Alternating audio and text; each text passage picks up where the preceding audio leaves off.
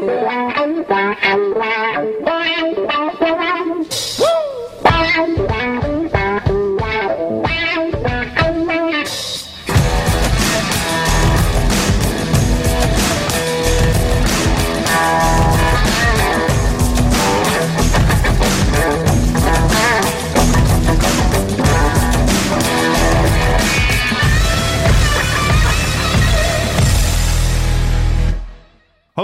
Welkom bij een eh, nieuwe aflevering van Eindbazen.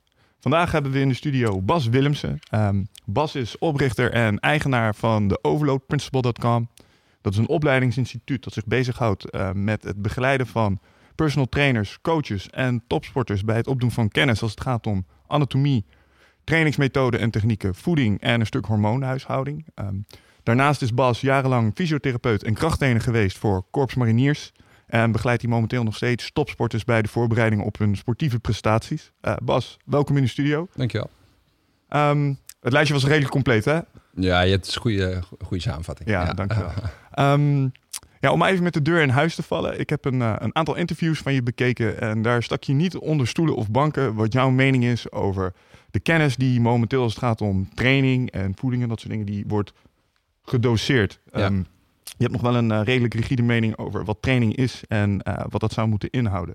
Kun je daar eens iets over vertellen? Ja, uh, ja tra trainen is verstoren van je lichaam. Maar dat, uh, die verstoring die je maakt met je lichaam, doe je om een bepaald doel te bereiken. Hm. En uh, wij willen altijd in training dat we iets verstoren, zodat we beter worden in het gewenste doel. En wat wij vaak zien in de huidige trainingsmethodes, die overal uh, ja, op het internet verschijnen. Hm. En dat er uh, misschien wel iets verstoord wordt, maar is dat wel in het gewenste, uh, ja, gewenste systeem waardoor je het doel bereikt. Word je beter in wat je eigenlijk beter zou willen ja, worden? Ja, dat klopt. Ja. En uh, weet je, iemand moe maken, dat is niet zo moeilijk. Weet je, dat is gewoon, er zijn verschillende methodes voor om iemand heel snel heel moe te maken. Maar is dat het gewenste effect? Is dat de gewenste verstoring waardoor je de gewenste positieve adaptatie krijgt? Ja. En wij denken vaak niet. Hm. Wij, wij noemen het ook vaak wel eens gekscherend. Uh, eigenlijk is dat meer om mensen aan het denken te zetten, om naar hun eigen handelen te kijken van uh, entertraining. Ja. Je, het zijn allemaal leuke oefeningen, leuke variaties. Uh, die mensen zijn inderdaad moe. Maar zijn ze moe verstoord in het gewenste systeem? Ja, want en, als jij het hebt over verstoren, wat bedoel je daar dan precies mee? Nou, eigenlijk als jij uh, bijvoorbeeld krachttraining doet, hm. dan word je in de loop van de training word je minder sterk. Ja. Um, als je kijkt dan naar de verschillende spiervezels, stel dat jij je snelle, sterke spiervezels verstoord hebt. Um, en je wordt dus minder sterk in je training. Mm -hmm. uh, dan kan het lichaam positief adapteren, waardoor je supercompensatie, herstel krijgt, waardoor je op een hoger niveau uh, uitkomt uiteindelijk na een aantal dagen. Mhm. Mm -hmm. En dan heb je een goede verstoring gegeven als je doel was: ik wil sterker worden. Een hoger niveau in je kracht. Een hoger niveau in je kracht, inderdaad. En. Uh, maar heel veel mensen verstoren maar gewoon zomaar iets, mm -hmm. uh, willekeurig, waardoor mensen zich, de klant zich moe voelt. Mm -hmm. Maar is dat wel een verstoring geweest in het gewenste systeem? Dat ja. is wat je moet afvragen. Mm. En uh, ja, in, in het entertrainingsverhaal ja, wordt alles door elkaar gegooid. Uh, de meest creatieve oefeningen. En mensen zijn inderdaad misschien wel een beetje verstoord. En maar is dat in het juiste systeem geweest waardoor je de juiste positieve aanpassing hebt? Ja, want ik denk dat mensen al fel het gevoel hebben als ze van een training terugkomen en ze zijn door de mangel gehaald en ze zijn kapot gegaan en ze hebben Ja. goed spierpijn de dagen erop. Ja. Eh, dan hebben ze het gevoel, ah, ik heb goed getraind. Dat klopt. Ja, weet je, jullie zijn ook een beetje bekend in het vechtsportgebeuren. Mm. Eh, ik heb het zelf ook een beetje gedaan.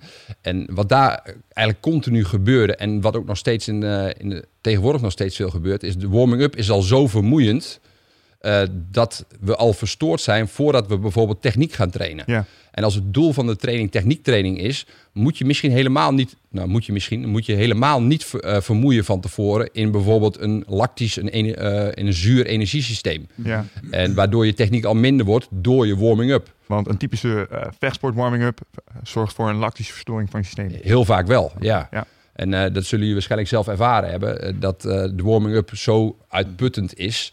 Eh, dat je misschien al je handen niet meer hoog kan houden. Terwijl je dan het doel is van de volgende oefening om techniek te trainen. Ja, ik denk dan altijd als je aan een wedstrijd moet knokken, dan kun je dan tenminste ook. Maar Dat klopt. Maar eh, dus het, uiteindelijk kan het wel het doel zijn van de training om technisch goed te blijven functioneren onder vermoeidheid. Mhm. Maar daarvoor moet je wel een goede techniek hebben. Ja. En als je een goede techniek wilt trainen, dan moet je dat onder, niet onder vermoeidheid doen. Mhm. eh, waardoor je technisch beter kan worden in je training. En als je de techniek op niveau hebt en je wilt dan later zeg maar, eh, het doel bereiken van ik wil technisch goed blijven vechten onder vermoeidheid, Mhm. dan kan je vermoeidheidscomponent gaan inbrengen.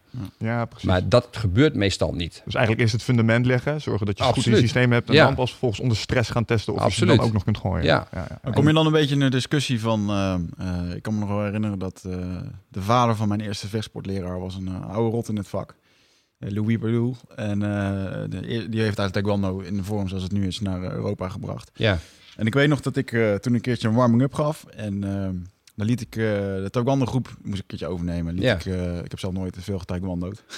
Laten we dat vooropstellen. Maar toen liet ik die jongens opdrukken. ja, En toen kreeg ik van hem een uitbrander van, joh, wat ben je nou aan het doen? Want ehm, ja, dit is helemaal niet nuttig voor ze, omdat ze dat doen. Hè. Ze gewoon, hij zag liever dat je ze gymnastieke oefeningen ligt doen, maar dus balans, motoriek, dat soort Mhm. dingen trainen. ja. Nu terugkijkend, ja, ik was toen 17 jaar of zo, dus Ja. op zich eh, kan het mezelf vergeven. Maar eh, terugkijkend erop zie ik het wel steeds vaker. Dat je eh, inderdaad de bilwarming up met veel sit-ups. Ja, eh, sit-ups is ook wel een questionable ding. ja. Mhm. Opdrukken, iedereen helemaal kapot en dan inderdaad gewoon een techniek doen eh, voor een uur lang. Is dat Ja. hetgene waar je dan op doelt ook? Ja, bijvoorbeeld. Ja. Want waarom doe jij eh, push-ups of sit-ups in een warming-up? Op dat moment was dat gewoon letterlijk een kopiegedrag van wat ik eh, van, eh, eh, van Ja. een andere training zag. Van ja, dat deden we altijd. Zo werd dat daar gedaan. Ja, maar maar, dat, dat doen de meeste trainers ook. Eigenlijk gewoon een Ja. gebrek aan kennis. durf ik Ja, maar de meeste Ja. trainers kopiëren wat ze vroeger ook gedaan hebben. Ja. Ik heb eh, ook een klein beetje rond kunnen kijken in het voetbal en daar zag ik het ook. Dan vraag ik aan een trainer die op, eh, ja, in- op hoog niveau heeft gespeeld. ehm, eh, waarom doe je deze trainingsvorm? Ja, dat deed ik vroeger ook. Mhm. Ja, dat is wel leuk, maar waarom deed die trainer van jou dat vroeger dan? Ja. Ja, die heeft het waarschijnlijk ook van, Op die van- geleerd. Ja, geleerd. Ja. Of die, die, die vertoont ook gewoon kopieergedrag. En dat betekent niet dat kopieergedrag eh, slecht is, want als het leidt tot de gewenste resultaten, ben ik het er wel mee eens. Alleen wij willen al, in ieder geval, wij leiden op. Dus wij willen ook dat de, de trainers, de personal trainers, de fysiotherapeuten die bij ons in de opleiding zitten, echt gaan kijken naar, we doen iets, maar heeft dat ook het gewenste resultaat? Ja. Mhm. En techniektraining is, vind ik, een heel goed voorbeeld. Een push-ups, sit-ups doen, dan word je al misschien al moe in je armen. En dan eh, na die tijd moet je misschien een, een stootcombinatie leren met kickboksen bijvoorbeeld. Mhm. Eh, dan heb je al vermoeide armen. En dan, dan weet je ook dat je techniek al minder is. Je coördinatie is al minder. Dus je moet je afvragen, zijn die push-ups in je warming-up dan zinvol om te doen? Ja, ja, ja. Ik eh, denk het niet.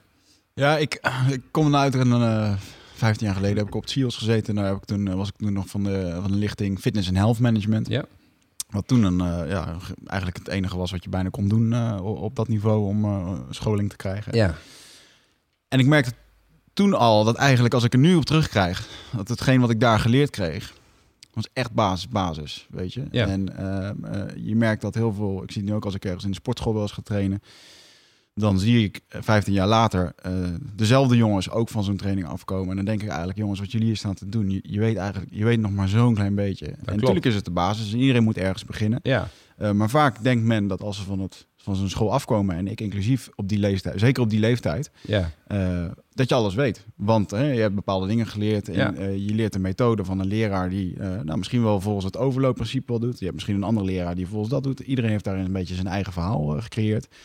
Maar iemand van 18 of 17 jaar, die neemt dat klakkeloos over. Want hè, eh, Ja. die, die staat voor de klas. En, eh, of tenminste, die neemt het aan van iemand die voor de klas staat. En waar bestond die basis dan een beetje uit? Voor mensen die geen sportopleiding zoals ik hebben gevolgd. Wat zijn de basisdingen die je daarbij gebracht? Nou, Anatomie, ja, stel ik me zo voor, Ja, absoluut. Het was anatomie. eh, dat kreeg je dan het eerste jaar. Gewoon de theorie, wat bepaalde bewegingen uit zijn, welke spieren dat je gebruikt. Hartstikke goed. Daar denk ik, dat is gewoon ook gewoon de basis die je moet weten. Mhm. Ehm, eh, daarna, eh, het tweede jaar, ging het echt letterlijk op, moest je een specialisatie kiezen. Dus dat was dan, eh, en natuurlijk ook het eerste jaar kreeg je algemene sporten. Je moet allround worden, je moet overal wat kennis van hebben. Eh, dat is goed, denk ik, dat je overal gewoon wat kennis van hebt. Eh, daarna ging het over fitness en health management. En eigenlijk was toen het idee ervan van, joh, je moet straks een sportschool kunnen runnen. Of die van jezelf of iemand anders. En je moet Ja. erbij training kunnen geven. Mhm. Dus daar ging eh, eigenlijk alles wat een sportschool, een complete sportschool toen deed. Van muziek op bewegen, van de groepslessen tot en met, eh, nou, misschien wat vechtsporten Mhm. of eh, het fitness. En het fitness was inderdaad, ja, je kreeg trainingsleer. Dus hoe kan je een trainingsprogramma opstellen, hoe die die periodisering. En ehm, ja, als ik daar nu in terugkrijg, joh, die basis was goed. Alleen, ehm, ja, uh, je kunt natuurlijk overal heel erg ver uh, in doorgaan. Je kunt de koksopleiding volgen en over twintig jaar kun je nog steeds leren over hoe bepaalde dingen werken. En Tuurlijk, zo is het ook met sporten. Alleen uh, terugkijkend erop denk ik dat die, het is nu zo ontzettend veranderd. En wat ik gewoon mooi vind om te zien en wat ik het mooie vind aan jullie principe, is dat je een stuk fysiotherapie mengt met voedingsleer en mengt met trainingsprincipes. Mhm. Want um, waar het in mijn tijd nog wel eens over, uh, wat ik nu terugkijk, waar het in fout ging, was dat je veel te veel wees naar elkaar. Over voeding, oh, moet je bij hem zijn. Dat is niet mijn afdeling. Ja, over ja. training, ja, dan moet je bij mij zijn, weet je wel. En dan, um, ik heb het idee dat iedereen op een, gegeven, op een gegeven moment een beetje op de automatische piloot gaat werken. Ja. Ook die fysiotherapeut, die zegt van ja, eh, die krijgt iemand die niet sport, die heeft last van zijn rug, die moet van de dokter naar de fysio, die krijgt drie behandelingen en wordt weer naar huis gestuurd. Terwijl, dat is niet de essentie waarom diegene last heeft van zijn rug. De essentie waarom die last van zijn rug heeft, omdat hij nooit sport achter een computer zit en al 45 jaar is en dat al 30 jaar lang doet.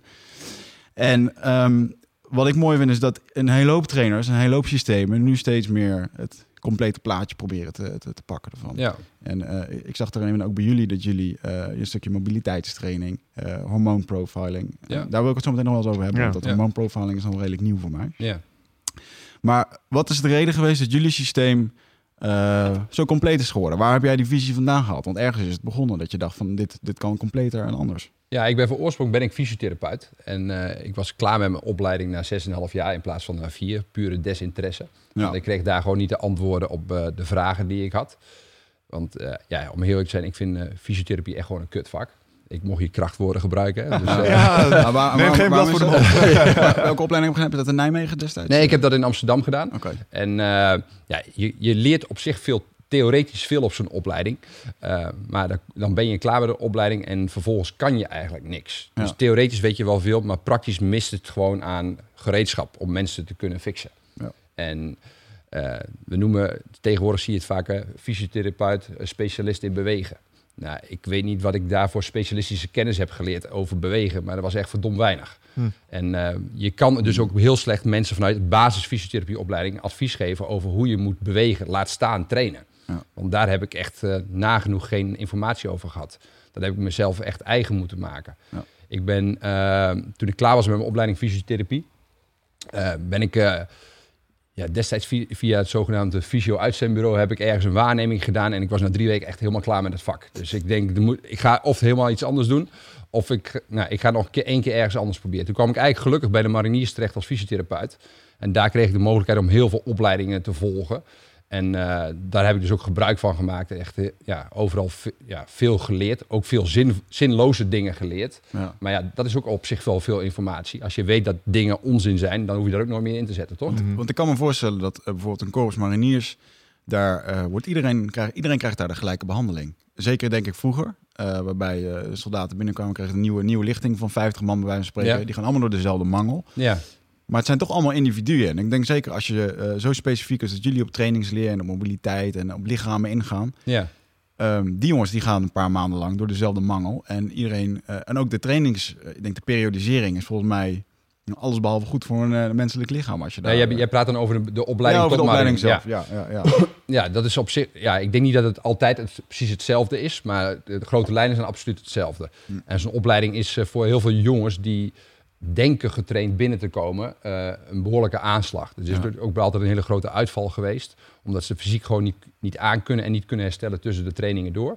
En er zijn natuurlijk ook een aantal die daar gewoon wel doorheen lopen. En soms zijn er ook mensen die er makkelijk doorheen lopen. Dat zijn vaak mensen die voorbereid binnenkomen, vermoed ik. Ja, niet alleen voorbereid binnen te komen, maar ook de juiste mindset hebben. Want ze staan natuurlijk ook onder grote emotionele stress. Mhm. Want eh, gooi er een beetje honger in, gooi er een beetje vermoeidheid in en een beetje kou. En dan Ja. breken al heel veel mensen natuurlijk. Hè? Ja, Ja. En, eh, ik inclusief denk ik. Drie weken je vriendinnetje niet zien en dat soort dingen. Je bent lang van huis. Ja, snap ik. Dan gaan ze een keer pieper. Ja. ja, dat is, dus daar, dat is gewoon wel een grote stressfactor die ook eh, echt wel van invloed is op jouw, eh, ja, jouw- herstelvermogen. Ja. En eh, je zag daar dus echt gewoon eh, ja, hele wisselende beelden van heel zwak tot echt heel sterk. En eh, iedereen heeft het beeld bij de mariniers dat ze allemaal heel sterk zijn. Nou, ik denk dat het voor 10, 20 procent wel zo, zo is. Het beeld wat we van hebben. Mhm. Van die andere ja, 80 procent denk ik dat het toch wel een stuk minder is dan, wij, dan het beeld dat we daarvan hebben. Ja. Ja. Ja, ik denk als je ehm, naar zo'n korps mariniers kijkt, dan heb je eigenlijk wel met een... eh, eh, die jongens die moeten goed getraind natuurlijk eh, daarin gaan. Ja, Ik weet niet of het zo is, maar toen ik in SEALS zat als het eerste jaar, ging alles om onround sporter te worden. En wat je zag, dat iedereen overbelast werd. Want ze moesten alle sporten doen. S ochtends om zeven uur zat ik in de trein, kreeg ik eerst anatomie, daarna moest ik gaan zwemmen, daarna moest ik atletiek gaan doen. En als het kon, even aan het einde van de dag ook nog een keertje zelf trainen. Ja. Of je had weer een dubbel uur vechtsporten tussendoor, wat dan ook. Dus eh, eh, conclusie, tweede jaar, begin eerste jaar, iedereen had allemaal scheenbeenvliesontsteking. ja, er kwam heel veel voor, ja. Ja. ja. Zijn dat ook klachten die je daar eh, in, in terugziet? Ja, die, die, kwam, die kwam je daar heel veel tegen, absoluut. Scheenbeenvliesontsteking. Dus vaak een lastig te behandelen probleem, omdat je altijd eh, ja, klem komt te zitten tussen de hoeveelheid belast, belasting en de belastbaarheid van de persoon. Ja. En dat er vaak geen tijd is om tussendoor goed te kunnen herstellen. Dus eh, het doel is in een opleiding dat je iemand ook door de opleiding heen eh, loopt, zeg maar, zonder dat ze uitvallen. Maar als ze dan eenmaal uitvallen, is het vaak lastig om ze weer direct terug te laten stromen. Ja, ja. Zeker bij scheenbeenvliesontsteking. En ik zat dan op een, eh, zeg maar het revalidatiecentrum van de, van de marine, waar ik langdurig geblesseerden met name behandelde. Mijn collega Koen zat eigenlijk op in, eh, bij het opleidingscentrum en die, zag, die probeerde vaak juist eh, korte interventies te plegen, waardoor ze snel weer konden terugstromen. Ja, dat is wel het doel om mensen te behouden. Het is niet zo. Je ziet vaak in de films van. eh, oh, you're out of here. Weet je. Mag je de, van die, aan de bel klingelen dat je weg mag. Weet je, dat Ja. Gedoe. Ehm, maar het is idee is dus als iemand bijvoorbeeld een ontsteking heeft aan zijn knie, dan gaan we hem wel proberen eh, terug te krijgen in die groep. Want Oh ja, ja, het is gewoon een potentiële kandidaat nog steeds. Ja, er Ja. is maar een beperkt aantal mensen dat geschikt genoeg is om dit te willen doen. Dus eh, laten we vooral een klein Ja, maar het is altijd, ik, ik heb in de afgelopen jaren wel gezien eh, dat het dus altijd een kwestie is van vraag en aanbod. Hoeveel hebben we er nodig en wat is het aanbod? Mm. Dus daar wordt het wel een beetje mee gespeeld altijd. Ja. En, eh, maar als het aanbod groot is en eh, de vraag klein, ja, dan kan je strenger selecteren. Ja, want ik had toen voor destijds was ik te jong voor het Corps Mariniers en ik wilde altijd graag naar het Corps Mariniers. Hm. Maar ik ben dus als tussensprong naar het SEALS gegaan. Alleen brak ik daar mijn voet op vier plekken Ja. tijdens, eh, tijdens een judo, eh eh, judoles. Ehm, waardoor eh, ik in één keer ook uitgesloten was voor, eh, voor een keuring daar. En Ja. toen sprak ik een paar jaar later iemand anders. En toen werden er zelfs mensen met oogafwijkingen aangenomen. eh, toch ja, lichte breuken hier en daar mocht wel, omdat er gewoon een tekort is aan, aan, aan ja, mensen. Aan vraag aanbod. verhaal. Ja. Ja. Ja. Hm. Inderdaad. Ja. Hey, even een heel klein stapje terug. Je zei eh, helemaal aan het begin, eh, je zei, nou, ik mag je krachttermen gebruiken. Je Ja. vond eh, in het begin toen je aankwam met fysiotherapie voor het gewoon ronduit kut. Waar, Ja. waar zat hem dat in? Eh, nou, ik had heel veel vragen eh, op het gebied van ook training. Dat is altijd mijn Mm. interesse geweest. Dus vandaar ook mijn keuze uiteindelijk van... Ja, als je fysiotherapeut, dat was mijn overtuiging. Als je fysiotherapeut bent, dan weet je, leer je daar ook veel meer over. En kan je daar uiteindelijk ook veel meer mee. Ja. En, eh, maar die vragen werden al heel snel niet beantwoord. Hmm. je kreeg dan wel eens een keer een blok krachttraining. En dan zei de leraar, deze moet je drie keer twaalf doen. Drie, drie sets van twaalf herhalingen. Mijn vraag is dan altijd, en die vraag is nog altijd nog steeds als ik iets leer. Waarom moet ik drie keer twaalf doen? Ja. Waar- waarom niet drie keer elf? Hmm. Of drie keer twee? Ja. Dus, eh, maar daar, werd, daar konden ze al gewoon geen antwoord op geven. Begrijp ik. Dus eh, dat vond ik echt, ja, dat vind ik als je jezelf specialist in bewegen wil noemen, lijkt het me wel handig als je op zo- zo'n simpele vraag eigenlijk antwoord kan geven. Ja, dat begrijp ik. Dan kan je nog wel verschillende meningen daarover hebben waarom je iets moet doen, maar je moet wel echt wel kunnen motiveren waarom je iets doet. Ja, want dat vind ik wel een interessante. Want jij zei daar straks, ik heb een eh, boel opleidingen mogen volgen. Ik Ja. heb ook een boel onzin voorbij zien komen. Wat Ja. je vaak mensen hoort zeggen als ze gaan beginnen met aan hun vitaliteitssleutel is... Nou, ik heb het gegoogeld en ik weet begon niet waar ik moet beginnen. Want Ja. er zijn zoveel verschillende meningen. Ja, Ehm, wat was jouw bullshit filter? Hoe hanteerde je die? ja of het werkt. Ja, gewoon echt uitproberen. Ja, ja ik heb echt alle methodes die ik gelezen heb, geleerd heb. Ik heb eh, alles uitgeprobeerd. En ik heb ook natuurlijk bij de mariniers eh, heel veel mensen gehad om dingen mee uit te proberen. Mhm. Omdat daar aan motivatie en effort... Guinea. Ja, nou, niet zozeer in eh, negatieve zin, maar eigenlijk in positieve zin. Nou, weet je, dit lijkt eh, zinvol te zijn. Mhm. Laten we dit eens gaan testen en kijken of het werkt. En bij de mariniers heb je natuurlijk wel mensen met een, go- een goede trainingsattitude. Ze geven altijd wel 100%. Dus je kan ook Ja. heel makkelijk daar dingen uitfilteren van wat wel en niet werkt. En, eh, en dat is eigenlijk altijd mijn criterium geweest. Niet welke wetenschap erachter zit, welke mooie onderzoeken en dergelijke. Mm. Maar je vertelt iets. eh, nou, ja, op basis van wetenschap kan het misschien nog inderdaad zinvol klinken. Maar als we het dan ook daadwerkelijk doen, wil ik ook de resultaten hebben die Ja. eh, het zou moeten opleveren. Hm. En, maar dat is lang niet altijd zo hoor. Nee, snap ik. Oké. En, toen zat je dus bij Korps Mariniers. Nou, daar heb je Ja. ongelooflijk veel kennis en ervaring opgedaan. Ehm, maar ik neem aan dat je nog wel andere dingen gedaan hebt om jezelf te verrijken in dat opzicht. Ja, absoluut. Ik denk met name het enorm veel eh, lezen en uitproberen van de informatie die je gelezen hebt. Dat dat gewoon eh, het grote verschil heeft gemaakt. Niet de opleiding alleen maar. Nee, Nee. zeker niet zelfs. Echt de diepte in. Ja, ik denk uh, de, mijn grootste sprong voor mezelf in kennis is geweest om te beginnen met een, met een ja, eigenlijk een opleiding snel lezen. Oké, okay, Ja. zodat je makkelijk snel veel informatie op kan Ja, nemen. mijn, door dat te doen ging mijn leessnelheid zes keer omhoog. Werkt dat echt? Dat werkt echt, ja. Speedreading. Ja. Welke methode hebben ze jou eh, aangeleerd? Want Ik heb eh, de, de Tony Busan-methode geleerd. Tony Busan. je moet hem even beschrijven. Ik ben niet bekend in de namen. Ik heb er wel eens in gekeken. Maar eh, vertel jij eerst die van jou, dan vertel ik van mij. Kijk Nou, ik, heb er een, ik heb er een paar gedaan voor mezelf ook. Dus ik heb, dat is ook gewoon zelfstudie geweest. Aha. Je bent echt een autodidact. hè? Ja, geworden ook. Ja. Ja, ja puur op basis van eh, eh, interesse, passie. Ja, Ja. ja. passie. Ja, dus dan wil je gewoon ook zoveel mogelijk informatie eh, verzamelen. En, eh, ja, dat, en als je dan ook veel informatie kan verwerken, ja, dan kan het ook Dat snel is wel gaan. prettig, ja. Maar Ja. Hoe, hoe werkt dit, eh, dit specifieke speedreaden? Ja, speedreader is gewoon, eh, dat kan je ook gewoon thuis lezen. Dus een boekje kun je kopen op bol.com, volgens mij is een tientje. Oké. En eh, Tony Buzan snel lezen. En als je dat gaat doen, zie je dat je, snelle, dat je leestempo gewoon omhoog gaat. Maar niet alleen je leestempo, ook hetgene wat je ook daadwerkelijk eruit haalt uit de tekst. Retentie. Ja. Ja, en dat, is, eh, ja, dat heeft mij echt veel opgeleverd. En als je het heel kort zou moeten uitleggen, wat is dan de kern van, eh, van het snel lezen? Eh, nou, eigenlijk de, de makkelijkste tip is gewoon om niet meer terug te lezen. Dus geen regressie meer. Dus Oh. heel veel mensen lezen een bladzijde, weten niet meer wat ze gelezen hebben en gaan het nog een keer lezen. Moet je gewoon niet meer doen. Ja, herkenbaar? Nou ja, Ja, ja, is, zeker. Ja. dat is een van de redenen waarom, eh, waarom ik podcasten zo interessant begon te vinden. Omdat ik merkte dat... eh, mijn moeder zei dat vroeger altijd. Ze zei, joh, ga, nou- zei, ga nou naar school, want daar leer je het meest. Want op het moment dat we het in de klas hoorden, dan pik ik het op. Dan Ja. hoef ik het ook niet meer... Dan, want als ik Ja, het maar hoor... dat, dat geldt misschien voor jou. En ehm, toen had ik op een gegeven moment ook, ook met, Ja. pod- met podcast of met luisterboeken. Ik kan een boek lezen, inderdaad, na zes pagina's. Geen idee meer wat ik heb gelezen. Als ik een boek luister en ik hoor dat eh, drie uur lang of acht uur lang, Ja. kun je me over een jaar nog vragen hoe en wat. Dan weet Mhm. ik het. Ja, dus dat is voor mij geldt het ook. Maar ik, eh, ik, sommige mensen die, die pakken beter op door het daadwerkelijk te lezen of misschien dingen daadwerkelijk te doen. Ja, En eh, bij de precies. mariniers zei ze het ook praatje, plaatje, daadje. Ja. En de een pakt Praatje, plaatje, daar. Ja, met de een pakt het misschien met het praatje een beetje uh, dat is een beter bekende didactisch. eh, Ja, maar dat is wel een simpel iets natuurlijk. eh. Zeker voor kinderen moet je eerst het plaatje laten zien. Ja, dan ja, komt dat beter over. Ja.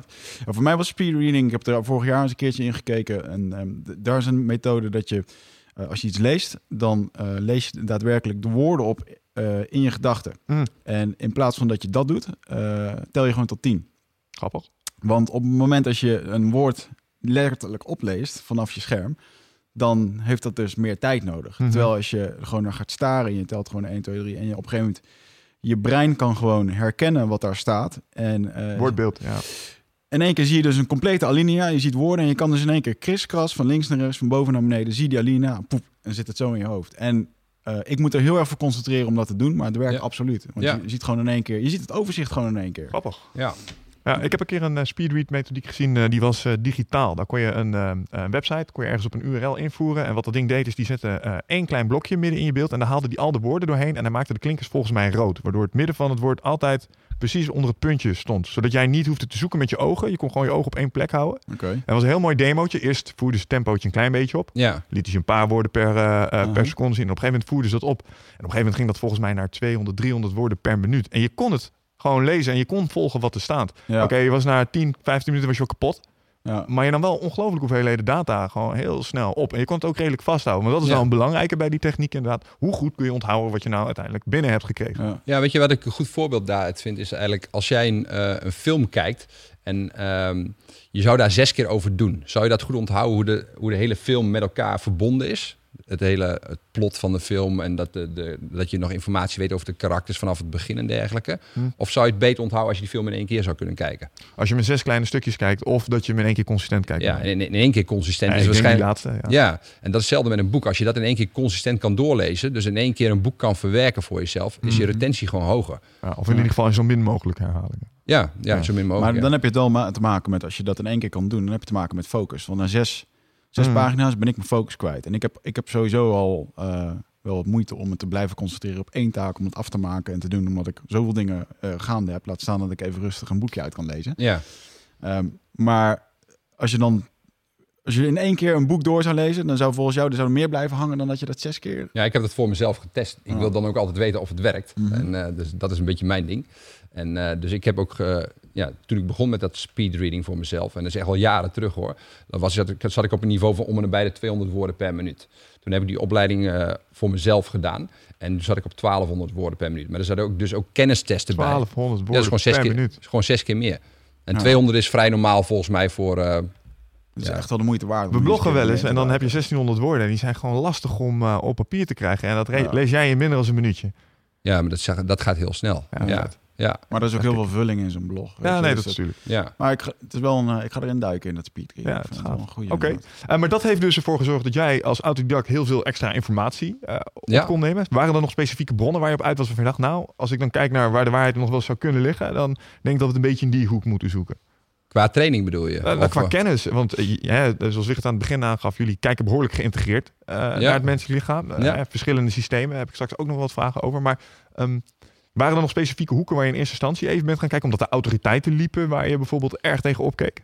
Nee, dat in, dat in eerste instantie niet zo. Maar ik ben wel bij een autoriteit terechtgekomen. En eh, dat is eh, een Nederlandse professor, eh, Bert van Wingeren. Oké. Die heeft de International Academy for Sport Science heeft die opgezet. Hmm. En ehm, ja, die man heeft mij echt wel heel erg aan het denken gezet. Over wat ik nu ook zeg van je doet iets, maar werkt het ook daadwerkelijk? Mhm. Van we geven medicatie, maar is dat eigenlijk wel zinvol om te geven? Of we doen dit, maar weet je dat je echt alles eigenlijk gewoon naar jezelf gaat kijken of naar, de, naar het medische ingrijpen gaat kijken. Van ja, is dat nu wel de beste manier om dat zo te doen? We doen Mhm. het allemaal wel zo, maar weet je, een, een voorbeeld wat hij ook aangaf, en dat, dat zegt er misschien al heel veel.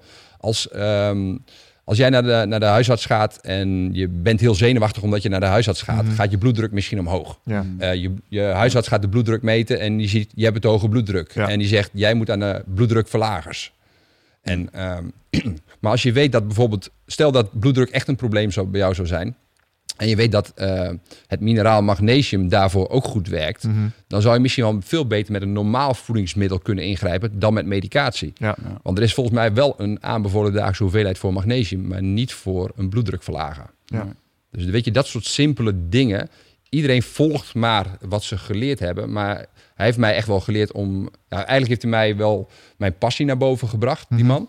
En, maar hij heeft mij ook echt geleerd om heel erg kritisch te kijken naar mezelf, maar ook naar de, wat er allemaal gebeurt. Ja. Ja. En eh, dus als je praat over een autoriteit die veel invloed heeft gehad eh, op mijn denkwijze. En ook op die van mijn collega Koen, dan is er wel Bert van Wingenen. Ja, en dan moet je het eigenlijk wel, als het, als het klopt wat je zegt, ik denk het wel, dan, moet, dan ontkom je er inderdaad door eh, om multidisciplinair te worden. Want wat doet zo'n Klopt, huisarts ja. en, wat doet zo'n fysio? En dat, eh, ik heb natuurlijk wel eens een training bij je gevolgd. En een van de Ja. dingen die jullie zeggen en die ik wel heel erg eh, kan herkennen, is dat die mensen lopen lijstjes na. Die herhalen hun- Protocollen. ja, die herhalen hun trucje. En ik denk dat zo'n huisarts een klein beetje zelf doen. Oh, verhoogde bloeddruk, dan gaan we dit nu voor. Dat klopt, ja. En dat is ook omdat hij vanuit zijn hele specifieke perspectief naar kijkt. Ja, En wat ik heel erg ja, charmant vind aan ehm, jullie methodologie is dat je ook echt, je kijkt niet alleen naar een lichaam vanuit anatomisch of hè, hoe je het zou kunnen belasten om dingen mee Ja. te maken, maar ook eh, hoe bijvoorbeeld training en voeding invloed hebben op eh, eh, de hormoonhuishouding en Ja. potentieel ook dit soort dingen. Ja. Ja, dat vind ik wel heel sterk. Ehm, Maar je weet, je weet uit van, van jezelf, als je kijkt naar jezelf, dan weet je ook dat dingen invloed hebben. mhm. Want als jij gewoon heel slecht gegeten hebt en jij gaat dan, je deed Braziliaanse jiu-jitsu volgens mij, Ja. Eh, dan weet je als jij een aantal dagen heel slecht gegeten hebt, heel veel crap hebt gegeten, dan gaat jouw training ook niet optimaal. Eat like crap, feel like crap. Ja, toch? Ja. ja en dus dan, dat is gewoon een heel belangrijk aspect ook in hoe je kan trainen. Kan je Mhm. optimaal verstoren, maar ook of je optimaal kan herstellen. En kan je optimaal presteren. Ja. Dus dat, dat, dat hoort gewoon bij elkaar. En, eh, maar, maar heel veel mensen die gaan daar gewoon aan voorbij. En dat, weet je, dat is gewoon zonde. Ik zie het ook in eh, heel veel gezien in topsport, dat gewoon het voedingspatroon gewoon echt gewoon, eigenlijk gewoon geen aandacht aangegeven werd. Terwijl dat gewoon echt een groot verschil kan maken in prestaties. Ja. Ja, ze zeggen natuurlijk wel eens blokjes en dat soort dingen worden niet gemaakt in de sportschool, in de keuken. En wat ik dat, dat Ja. een heel mooi voorbeeld vind, is niet zozeer dat iedereen een sixpack moet hebben, maar dat Nee, voeding nee, nee. zo'n ongelofelijke impact heeft op je ja. resultaat. Ja, weet je, als ik met atleten bezig ben, ook in het verleden, mijn doel is niet om ze een sixpack te geven. Hmm. Nee, het doel is om ze optimaal te laten presteren. En als daar een sixpack dan toevallig naar voren komt, dat vind ik mooi. Maar Zijn er sporten waarbij het überhaupt een randvoorwaarde is? een sixpack? Ja, poseren op... eh, Ja, voor, bo- ja, ja, voor, voor Ja, maar de, rest niet. Nee. nou ja. Nee. En het is ook een stukje genetisch. En, maar daar ben ik eigenlijk in topsport helemaal niet mee bezig. Maar als ze gewoon goed eten, goed trainen, goed rusten, dan eh, worden ze vanzelf eh gespierd en zien ze er beter uit op het Ja. strand. Dat vind ik trouwens wel interessant, wat je er net even zei. Even een klein kort eh, sprongetje daarin. Je zei van, misschien zijn ze genetisch wel heel sterk. Ja, Wa- Wat je vaak hoort, en zijn excuusje, dat heb ik ook nog wel eens voor mezelf gebruikt. Van, Ja. joh, ik krijg het niet voor, voor elkaar om bepaalde dingen voor elkaar te krijgen in de sportschool. Want, nou ja, ehm, als je kijkt naar die gast, het gaat hem allemaal veel makkelijker af. Die zal wel goede genen hebben. ja. Bedoel, bedoel je dat in prestaties of in hoe ze eruit zien? Beide. Ja, nou, in prestaties weet je ook dat er echt wel een verschil zit in wat iemand kan. Ja, er zit wel kijkt- een maximum potentieel. Nee, absoluut. Weet je, als je kijkt naar een lagere school bijvoorbeeld, was jij de beste sprinter of was je, kon je het langste volhouden met hardlopen? Ik was ehm, de langste, dus ik kon het best basketballen. Oh ja, dat komt best goed basketballen. Ja. ja, je komt er wel makkelijkst bij. Dat is niet meteen dat je het beste bent. Hè? Dat is waar, ja. ja dat, is, eh, dat is ook zo. Nee, maar je, je weet vaak wel wat je goed kon op de lagere school. Ja. Dus dat past waarschijnlijk beter bij jouw genetisch potentieel. Hm. Weet je, de een zegt van ja, ik was echt de, veruit de snelste met sprinten en de andere kon veel beter hardlopen of Ja. langer duurlopen. Dus de ene is, heeft, is misschien meer gezegend met een snelle, sterke spiervezel en de andere heeft misschien wat meer uithoudingsvermogensvezels. Ja. Maar is het dan ook zo dat sommige, ehm, dat is een discussie die voer ik zelf nog wel eens met cliënten. Ja, En dat is van, dan ga je aan hun eh, voeding werken. ja, En dan is het eens van, ja, ik doe het nu vier weken en het werkt niet voor mij. Ik zal wel anders zijn. En dan Ja. denk ik altijd, ja, wat een onzin. Eh, ja. dat, ik, dat he- heeft niks met je geen te maken. Dat is waarschijnlijk iets anders wat er misgaat. ja ik, wat ik meestal denk, en ook vaak eh, als ik met klanten, ja, met name met normale klanten werkte, z- dan zeg ik het ook gewoon, dan confronteer ik ze ook mee. Ik zeg, mijn programma werkt wel, maar jij werkt niet. Ja. En Ja. daar, daar zit gewoon vaak het grootste probleem. In de, ja, de effort die ze er zelf in willen steken. Ja, ze willen alles doen. Ja, maar dat is niet, ik vind dat niet mijn probleem. Maar eh, Ja, ja, Ja. dat delen we dan. Maar Ja. je moet je ook afvragen wat. eh, bedoel, we hebben het nu over de invloed van genen, zeg maar. En ehm, er is nog wel mooi eh, voor de kijkers die dat eh, een keertje nauw lezen. Moet je maar eens een keertje kijken op eh, TEDx op YouTube. En dan Ja. heb je een filmpje van Courtney Griffins. Die heeft het over eh, wat de invloed is van, eh, van genetics en dan op topsportniveau. En er is inderdaad. eh, ik kan bijvoorbeeld gaan hardlopen, maar als er straks een jongen komt uit Afrika met de genen met die echt Usain Bolt, ja. daar kun je niet tegen opboksen. Maar dan gaat het uitmaken op dat niveau. Maar op een niveau waarbij wij gewoon in het dagelijks leven rondlopen, hebben die genetics volgens mij niet zo heel veel ja, voor- of nadelen. Ja, of bedoel, niet meer, nee. want ja, we hoeven nou niet meer ons, eh, ons nest of ons huis eh, fysiek te verdedigen. Vroeger Nee, was dat iets meer een ding. Maar Het niveautje waar jij mee vergelijkt in de sportschool zijn de jongens die ook eh, ja, drie keer per jaar knokken om, eh, om daarvan te leven, weet je. En dan Ja. denk jij van, damn, ik wil ook zo zijn. Ja, helaas jongen. Alleen dat is er maar een heel klein Moet je ook percentage. zo gaan leven, Ja, ja. Ja. maar een heel klein percentage. ja, Dus ik denk voor het merendeel wat in de sportschool staat of aan bootcamps doet, die loopt de zeuren over dat ze niet degene hebben. ja, dat is gewoon gelul. Ja, Precies. ja nee, maar dat, is, dat is ook gewoon gelul. Want die- het doel van mensen die bootcamp doen of in de sportschool staan, de gemiddelde, Mhm. die willen zich gewoon beter, eh, beter voelen. Ja. Bas, kun je nog heel iets meer in de microfoon blijven Ja, praten? tuurlijk, Ehm, die willen zich gewoon eigenlijk beter voelen en er beter uitzien op het strand. Ja. En dan, weet je, ongeacht welke gene je hebt, dat is altijd mogelijk. Ja, dat is wel een hele mooie. Dat is wel echt een eye-opener die ik van jullie, eh, van jullie heb gehad. En, en die ik inmiddels ook gewoon snoeihard gejat heb. Is als je het hebt over doelstellingen. Ja, Ehm, joh, waarom sta je in? Ik gebruik het vaak als voorbeeld voor eh, je doelen bepalen, bijvoorbeeld in een zakelijke context. Zo van, wees eerlijk over je doelstellingen. ja, Want als je bij me komt en je zegt, joh, ik wil graag meer energie en ik wil ontstressen. ja, denk oké, dan gaat er bij mij in mijn hoofd al een bepaalde aanpak eh, komt naar boven. ja. Maar als je eigenlijk de doelstelling is, en dat is in acht van de tien keer het geval op het moment dat ze voor personal training of iets maar ik wil er graag goed uitzien in mijn onderbroek, Ja, dan moet je me dat ook vertellen, want dat is een compleet andere route er naartoe. ja. Dus, Dat- ja. Dat, dat klopt, weet je. En die route is eigenlijk, eigenlijk heel makkelijk. Mm. Je, het is echt niet moeilijk om er beter uit te zien. Eh, alleen om het daadwerkelijk te doen, daar is, dat is het grootste probleem. Ja, want wat als je, de meeste mensen die lopen daar wel met die vragen, hè, en eh, met name als ze weten dat je wat met sport doet, Ja. dat zal Wicht misschien ook wel kennen, dan komen mensen die vragen vaak, ja, maar hoe moet ik dat nou doen met mijn eten? En hoe kan ik dan het beste sporten? Ja, Stel, iemand komt helemaal blanco bij. Met alle mensen die we spreken horen we ook al vaak... ja, dat is heel persoonlijk en dat verschilt per individu. Ja. Maar ik denk dat er vast wel een aantal dingen zijn... die je standaard in gang kan zetten van... als je dan wil beginnen, begin Ja. dan hier... want hier haal je de meeste impact uit. ja, gooi al je crap uit je voeding.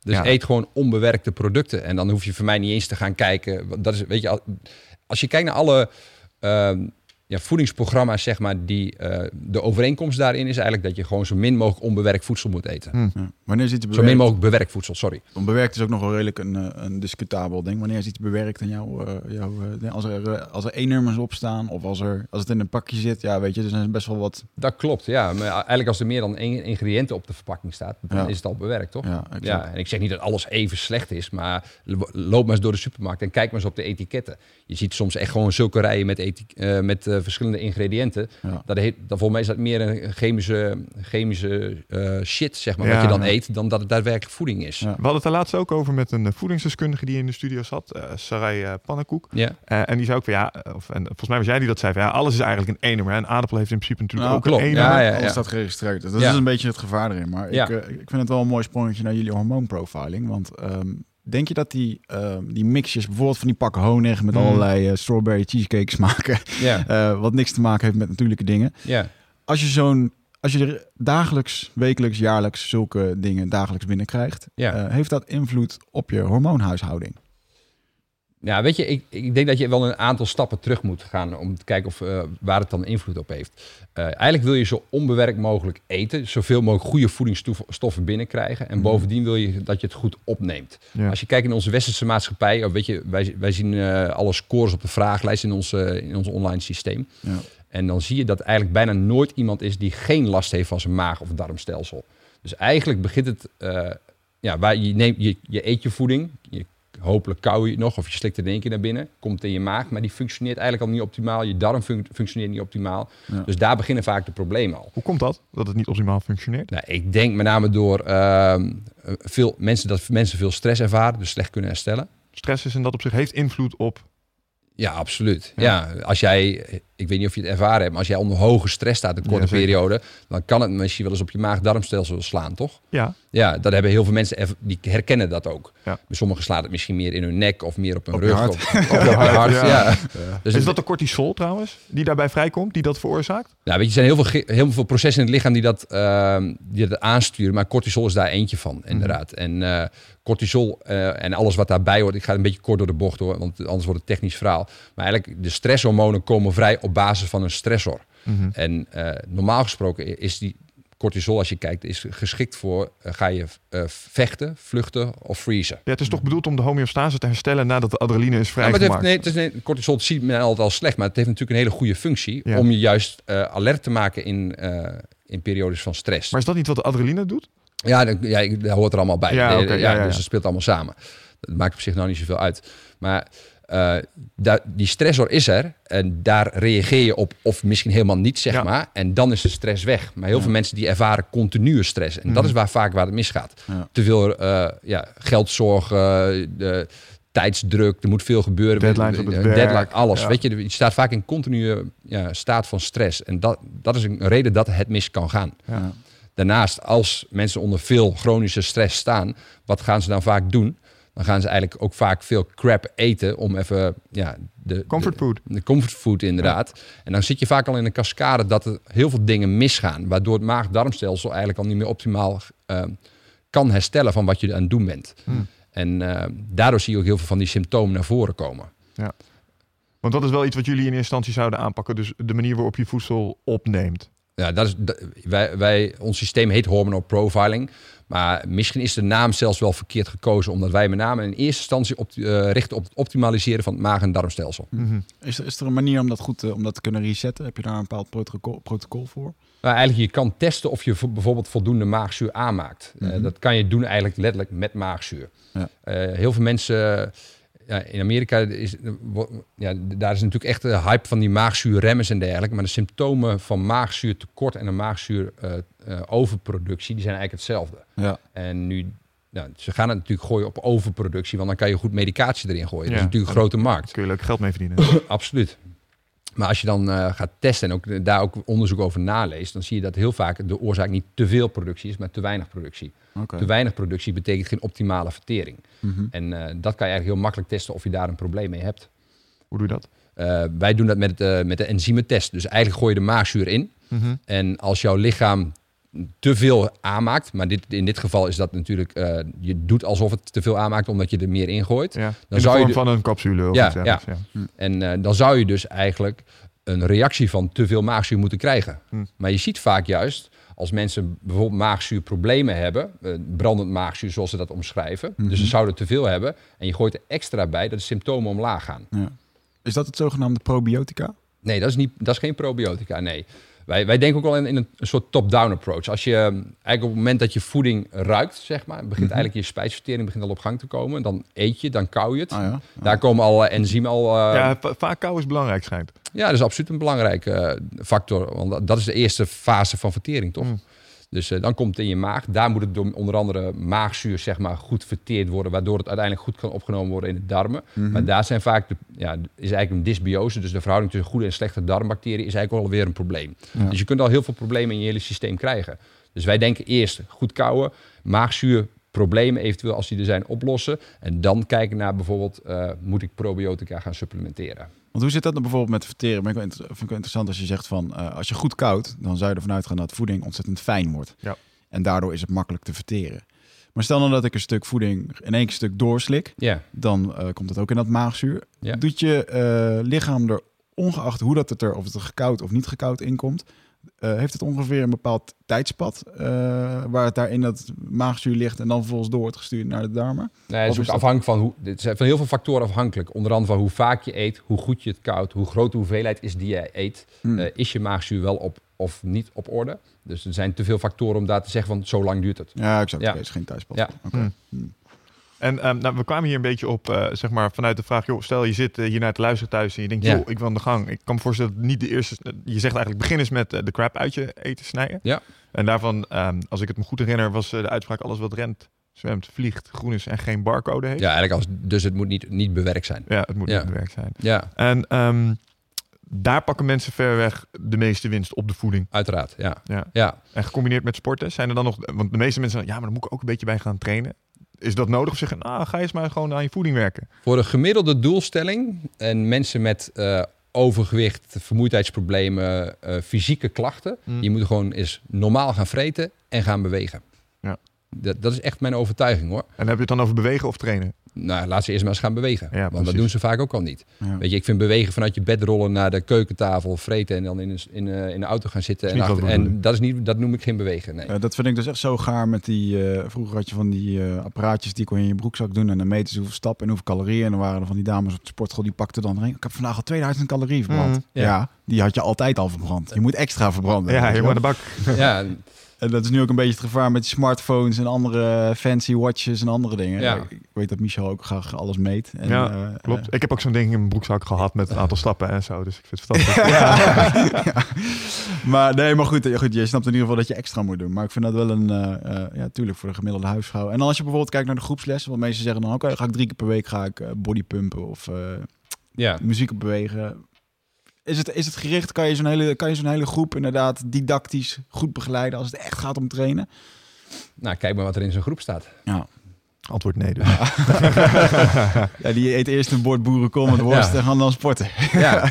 Nee, maar je ziet het letterlijk gebeuren op de sportschool. Als ik aan jullie vraag, waar zitten de dikke mensen? In het krachthongen of op de cardio? Ja. Cardio. Ja, waar zitten ze een jaar later nog? Oké, ja, dat geeft al... we weet je, dat, die- dat, dat ze daar aan het bewegen zijn, dat is op zich prima. Hè? Dat, want beweging is heel erg goed voor je bindweefsel, om je bindweefsel gezond te houden. Mhm. Dus beweeg vooral heel veel, dat zou ik absoluut zeggen. Maar wil je daadwerkelijk eh, progressie boeken, bijvoorbeeld in kracht en dergelijke, ja, dan moet je ook letterlijk iets verstoren.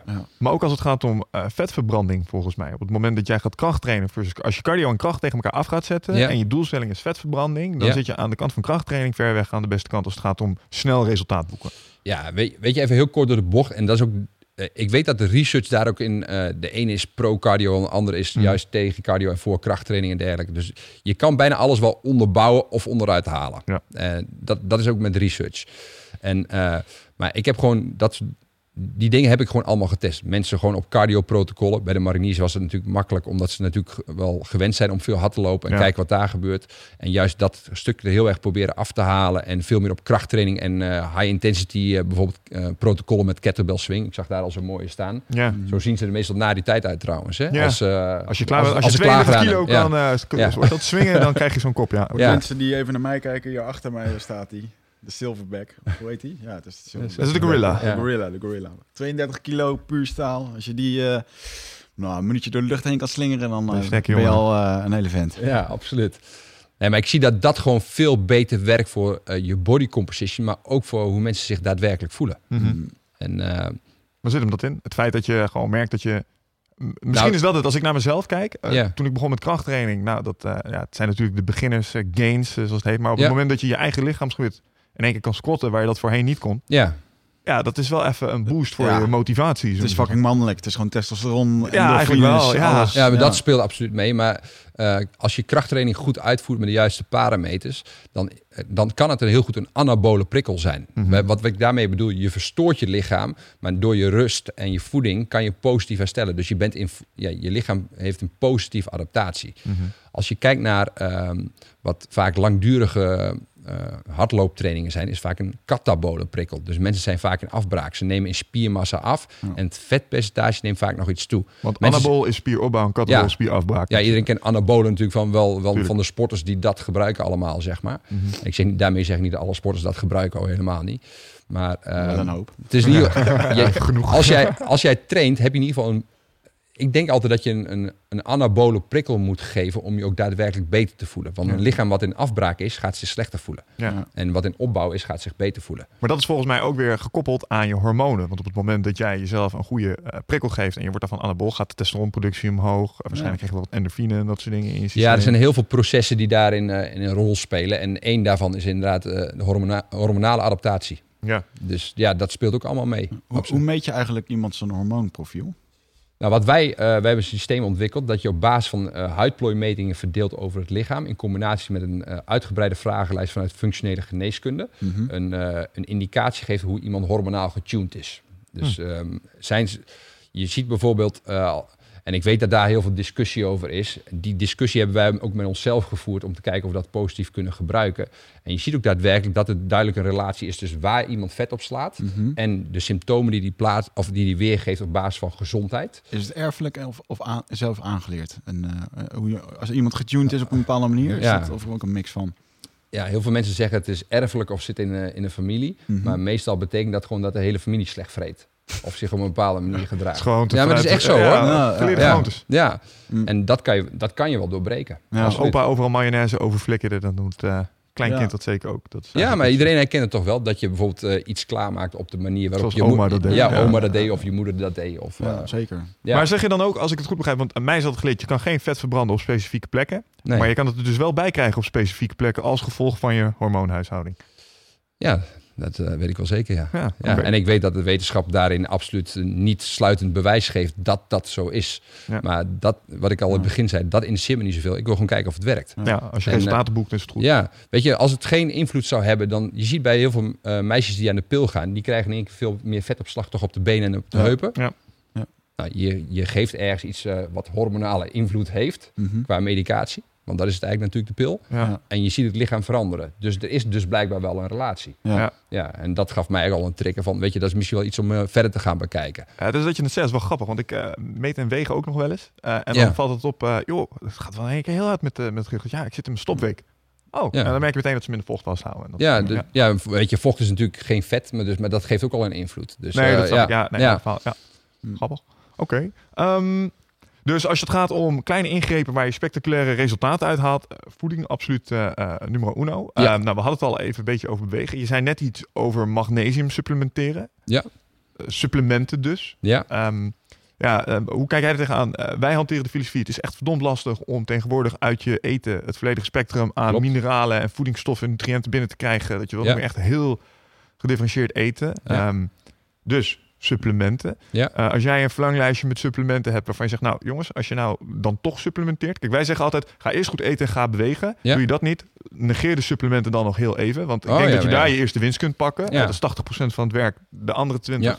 kun je eruit halen. Maar Ja. je noemde net magnesium, maar je hebt ongetwijfeld misschien nog wel meer die je voorschrijft dan. Ja, absoluut. Weet je, ik, ik ben het helemaal met jullie eens. Eh, tuurlijk hebben wij ook een eigen supplementenlijn, maar die, Hmm. eh, ik, ik ben nog steeds van mening dat het woord zegt al, het is een supplement. Ja. Als, je, als jij denkt dat je door het nemen van een supplement en je doet niks aan je levensstijl en aan je voeding, het, eh, het magische resultaat gaat Ik behalen. heb echt gemerkt dat mensen... Ja, dat gaat hem echt niet worden hoor.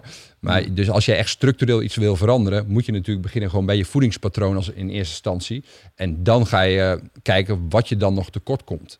Als je kijkt dan wat komen de meeste mensen tekort.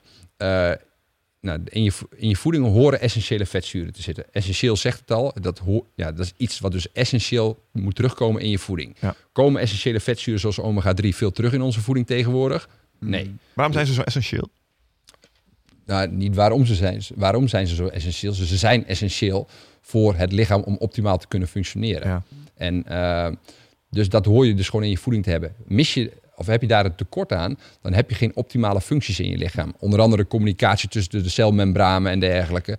En uh, dus dan kom je ook al in de knoei met je energieproductie. En er zijn heel veel problemen die daar aan de grondslag kunnen liggen. Je brein wat überhaupt over twee derde uit vet bestaat. Ja, dat Dus klopt. dat Ja. stom zijn, nee, ik eet geen vet meer. Ja, dude, je, loopt, je, je leeft op vet. Weet Ja, je, wel? denkt Ja. met vet. Ja. Ja, dus zo vetvrij mogelijk eten is misschien wel het domste wat je kan doen. Ja. Oké. En uh, Maar essentiële vetzuren dus. ja, dus dat uh, wij, wij, wij adviseren aan iedereen eigenlijk om uh, visolie te supplementeren. Oké. En uh, ik zie eigenlijk die essentiële vetzuren, die visolie, niet eens als een supplement, maar als basisvoeding. Hmm. Komt er niet meer in terug in no onze normale voeding. Dus ik zeg tegen iedereen, uh, gewoon zonder iets te vragen, dat wil ik dat je supplementeert. Ja. Ik trek het zelfs nog verder door.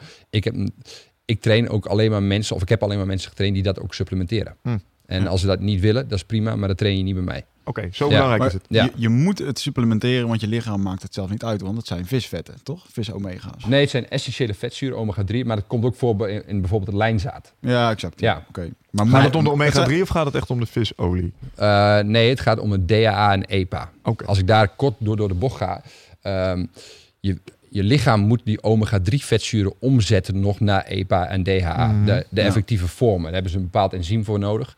En uh, mensen kunnen alleen vanuit plantaardige bronnen dat lastiger omzetten. Oh, En de vis heeft het eigenlijk al voor ons gedaan. Juist. Ja. En daarom is het veel makkelijker om visolie te supplementeren dan bijvoorbeeld lijnzaadolie. Ja. Oké. Daar heb je dus gewoon ja, meer, daar heb je gewoon meer aan. Ja, helder.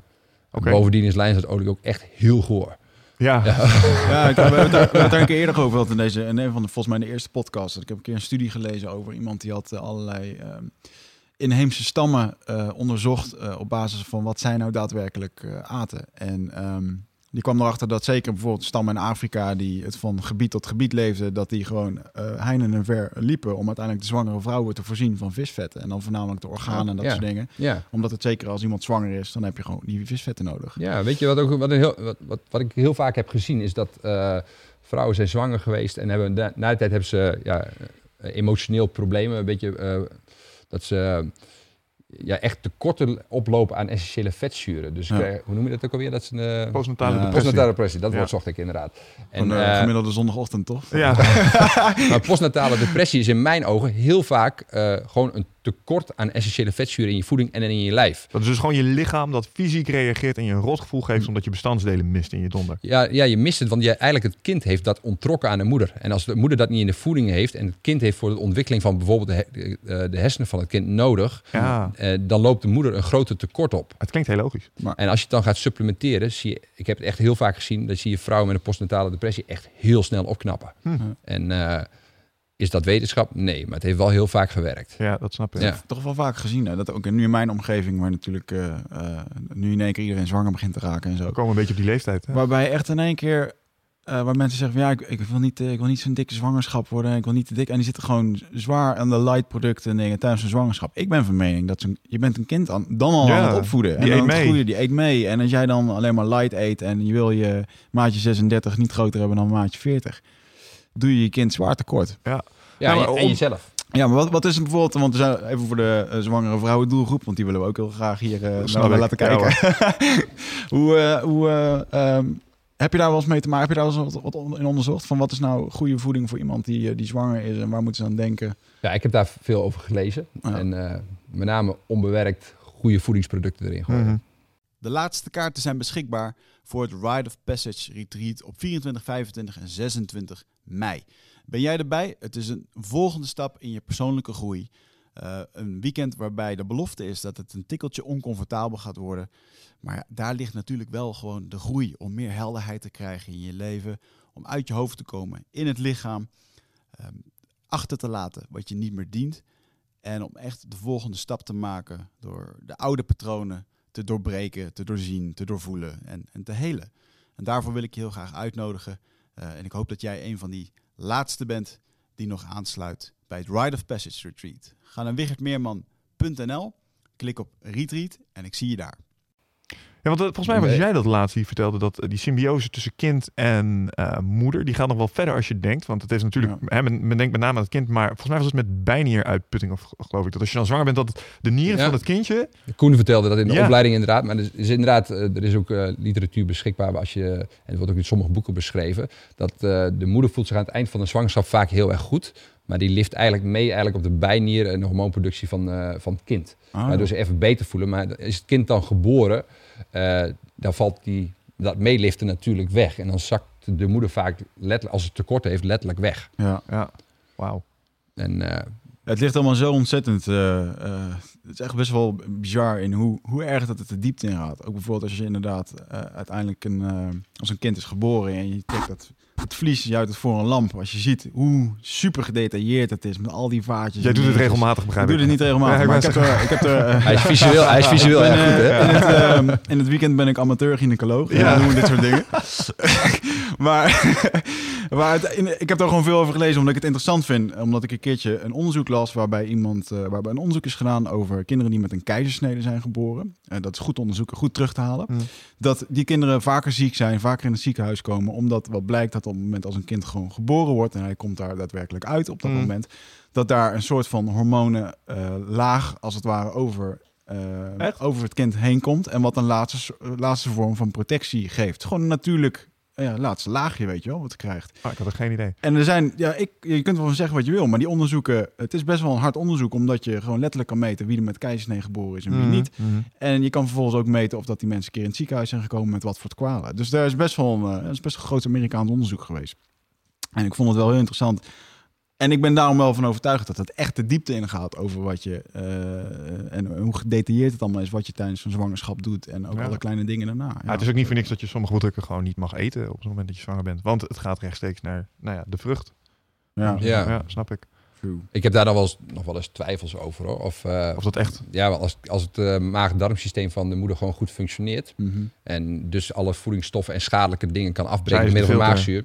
Is dat, ja, zij is de filter inderdaad. Dus, eh, Ja, want bijvoorbeeld, er geen, geen, dat vind ik ook zo'n ding. Geen rauwe vis. Maar bijvoorbeeld, eh, duizend jaar geleden wisten we echt niet dat we geen rauwe vis dat mochten klopt. eten. Als nee, je, dus daar, ja, dat zegt al genoeg, toch? ja. ja. Dus jouw, ja, ik denk, ja. ik heb daar twijfels over. Ja, Ja, daar zit inderdaad wel wat in. ja. Hetzelfde met de ra- rauwe melk is ook zoiets, hè? Ja. Ja. Maar ja, rauwe melk, veel mensen kennen het niet eens. Dus rauwe melk is gewoon wat rechtstreeks uit een koe komt onbewerkt. Ja. Wat vol met vitamine. En, ja, dat is denk ik, he- dat kan als je bepaalde doelstellingen hebt, hele goede voeding zijn. ja. En ook in bepaalde ziektebeelden zou dat hele goede voeding kunnen zijn. En eh, alleen van de Nederlandse overheid mag je dat niet adviseren. Ja. Dat doe ik dus ook niet. Ik Nee. doe het zelf wel. Uh-huh. Oké, Maar nou, het is- waar haal jij je rauwe melk vandaan dan? Van de koe. Ja, dat begrijp ik. Maar jij hebt ergens in de buurt een boerderij waar je heen gaat. Hij heeft er een gekocht. Ja, staat er een in je tuin. Hebben over, bij iedereen in de buurt zijn boerderijen. Dat snap ik. Ja, en, En, je kunt eh, dus gewoon de brutaliteit hebben om gewoon ting dong. Nee, maar er zijn ook heel veel boeren die een, eh, een, een tank bij hun, op hun erf hebben staan waar je gewoon melk kan tappen. Nou? Ja, en eh, die melk is vaak goedkoper dan in de supermarkt.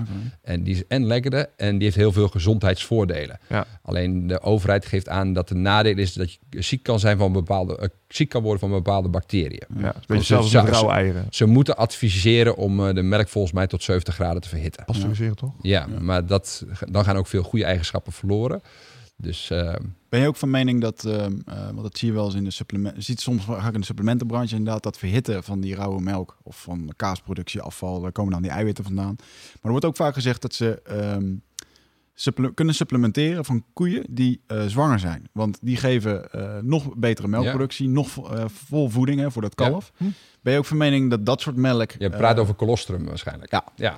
Ja, dat kan ook. Ken ik niet. Wat is het? eh, dat is de, de eerste melk na de geboorte van het kalf. Oh, ja, oké. dus dat is eigenlijk de meest. Ja, daar zitten de meeste groeifactoren in, zeg maar, voor, eh, voor het kalf. Ja, en eh, dat heeft ook al een bepaald immuunsysteem, eh, po- positief effect op het immuunsysteem als je problemen hebt. Kan dat hebben. Oké. dus eigenlijk moeten we gewoon continu een zwangere koe in de tuin hebben. Ja.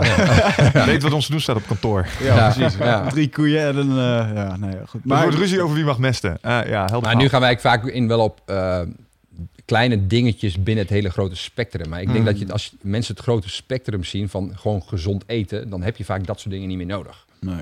Ja, het zijn wel de optimizers die het vaak in deze hoek zoeken natuurlijk.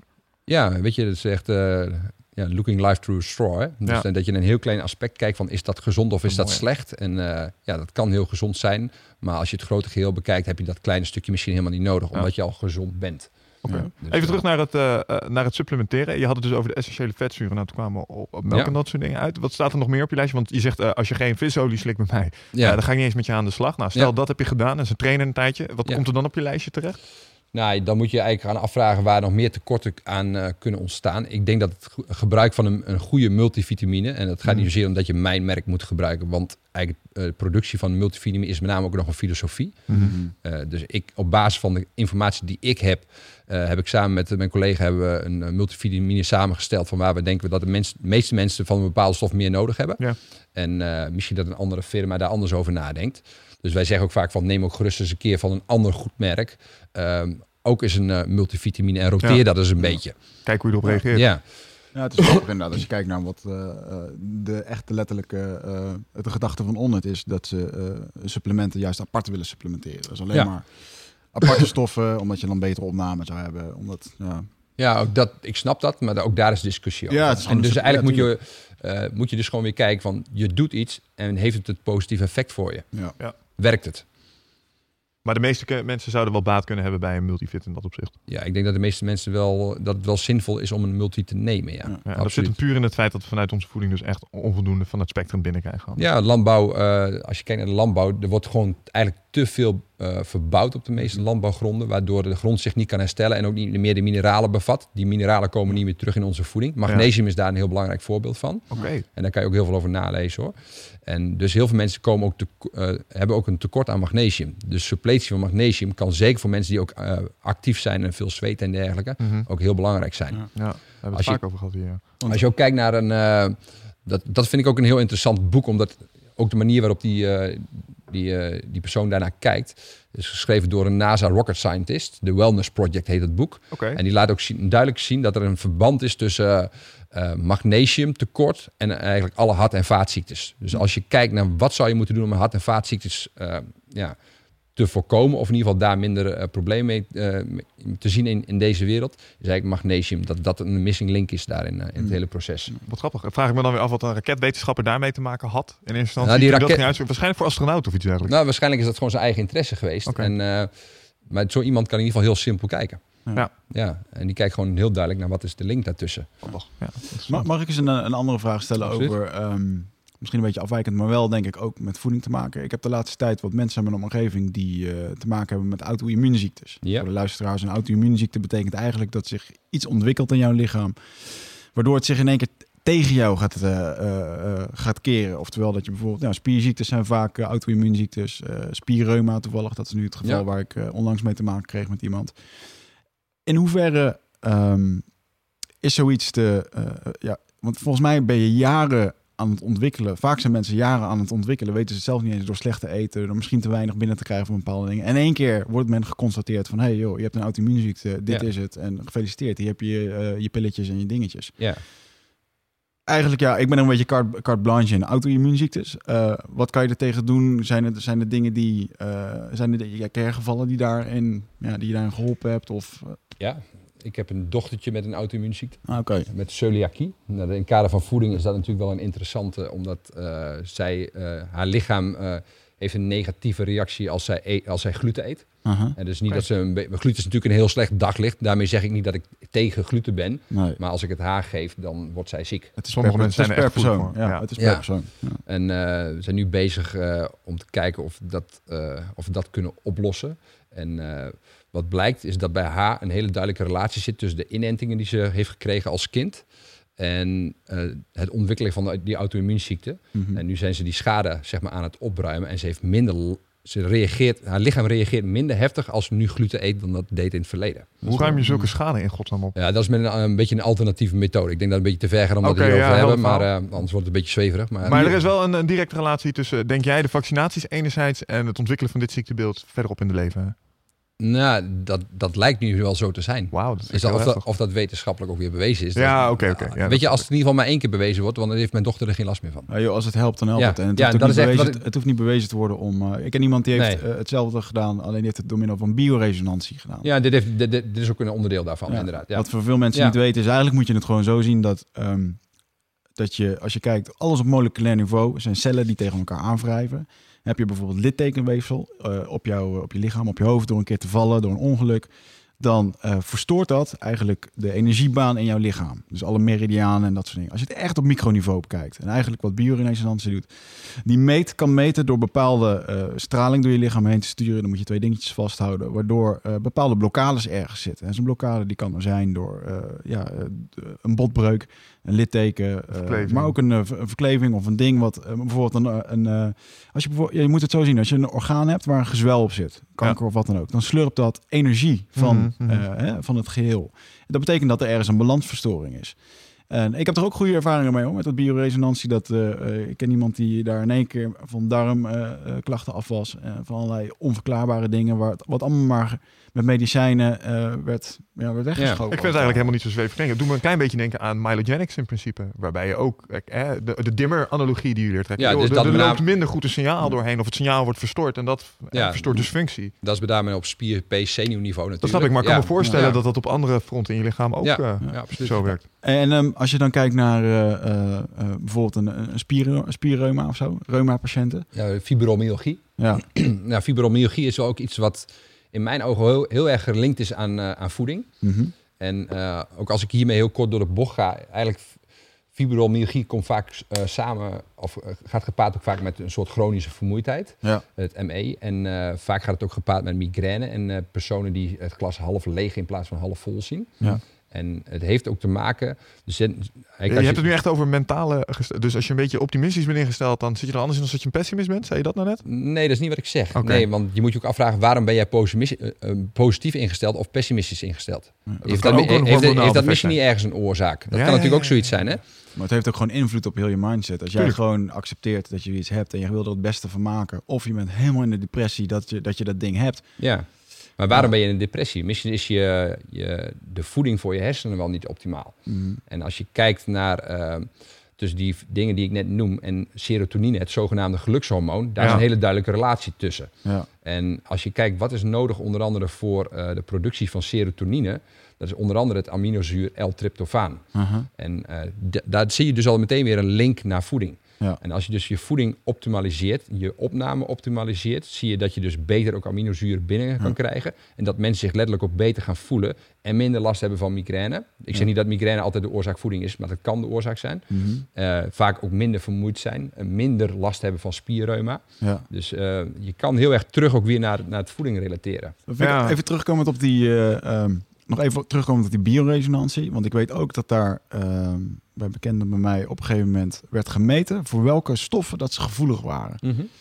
En wij zitten natuurlijk helemaal op de molen van, eh, jongens, je moet kokosvet eten en dit en dat. En eh, vervolgens eh, kwam diegene terug en die zei van, ja, dat is gemeten, maar mijn lichaam gaf daar helemaal geen positieve reactie op. Wat. En ook allergieën en dat soort dingen. Dan hebben ze allemaal verschillende buisjes. Buisjes met bijvoorbeeld melk, buisjes met graan en dat soort dingen. En dan kunnen ze dus meten hoe je lichaam erop reageert. Ja. Ik had daar mijn twijfels over, omdat ik denk van ja, hoezo? Kokosvet is gewoon goed voor iedereen, weet je wel. nee. Maar is dat eh, in jouw optiek wel of niet zo? Kokosvet specifiek. Nee, ik bedoel meer in de zin van kan zo'n eh, ja dat bijvoorbeeld bepaalde lichaamstypen gewoon eh, ja eigenlijk, eigenlijk helemaal niks doen met zo'n kokosvet of Ja, helemaal kan. niet. Ja. Ja, weet je, kokosvet als je het gaat bekijken is, is denk ik gewoon een hele goede voedingsbron. Ja. Maar is, het- is het een heilige voedingsbron? Mhm. Moet je het nemen? Nee, dat denk ik niet. Ja. Want volgens mij, ik denk als we een jaar of vijftig teruggaan in de tijd dat er in Nederland geen kokosvet beschikbaar was, denk ik, of voor, Nee. voor, voor consumptie, Zeldzaam, ja. denk ik. Maar eh, Nee. Dus hebben we dat nodig? Nee, helemaal niet. Alleen ik denk dat heel veel mensen er absoluut wel voordelen uit kunnen halen, omdat het wel ja, een vrij snelle beschikbare bron van energie is. Nou, het is, nu, het is nu beschikbaar. Dus wij we doen het nu. Ik heb vroeger Ja. altijd men gewoon dikke speklappen en dat soort dingen. Omdat Ja. je moest op het land werken en het moest vooral aardappel en vet zijn. Ja, maar weet je ook als je gewoon, ja, waarom je kokosvet wordt nu vaak gebruikt om ook in te bakken. Oh, vaak ook wordt gebruikt om in, eh, in te bakken, toch? Ja. Ja, ja, natuurlijk. Ja. En eh, ja, het is een, in ieder geval een stabiel vet waar je in kan bakken. Maar dat is roomboter ook, hè? ja, natuurlijk. Dus ja. eh, ik gebruik gewoon dat. Ik vind het trouwens ook lekkerder. Ja, man, robot Ja. is ook hartstikke goed. Ja. Gewoon, inderdaad. Maar ik vind het wel super interessant. Want zeker als je kijkt naar... eh, ik denk dat heel veel mensen zichzelf letterlijk ziek maken... door, door jarenlang gewoon eh, ja, niet goed te eten. En inderdaad ook een hoop stress erbij. Ah, Diabetes type 2 is natuurlijk een goed voorbeeld. Ja. Dat is iets wat mensen heel vaak zelf creëren.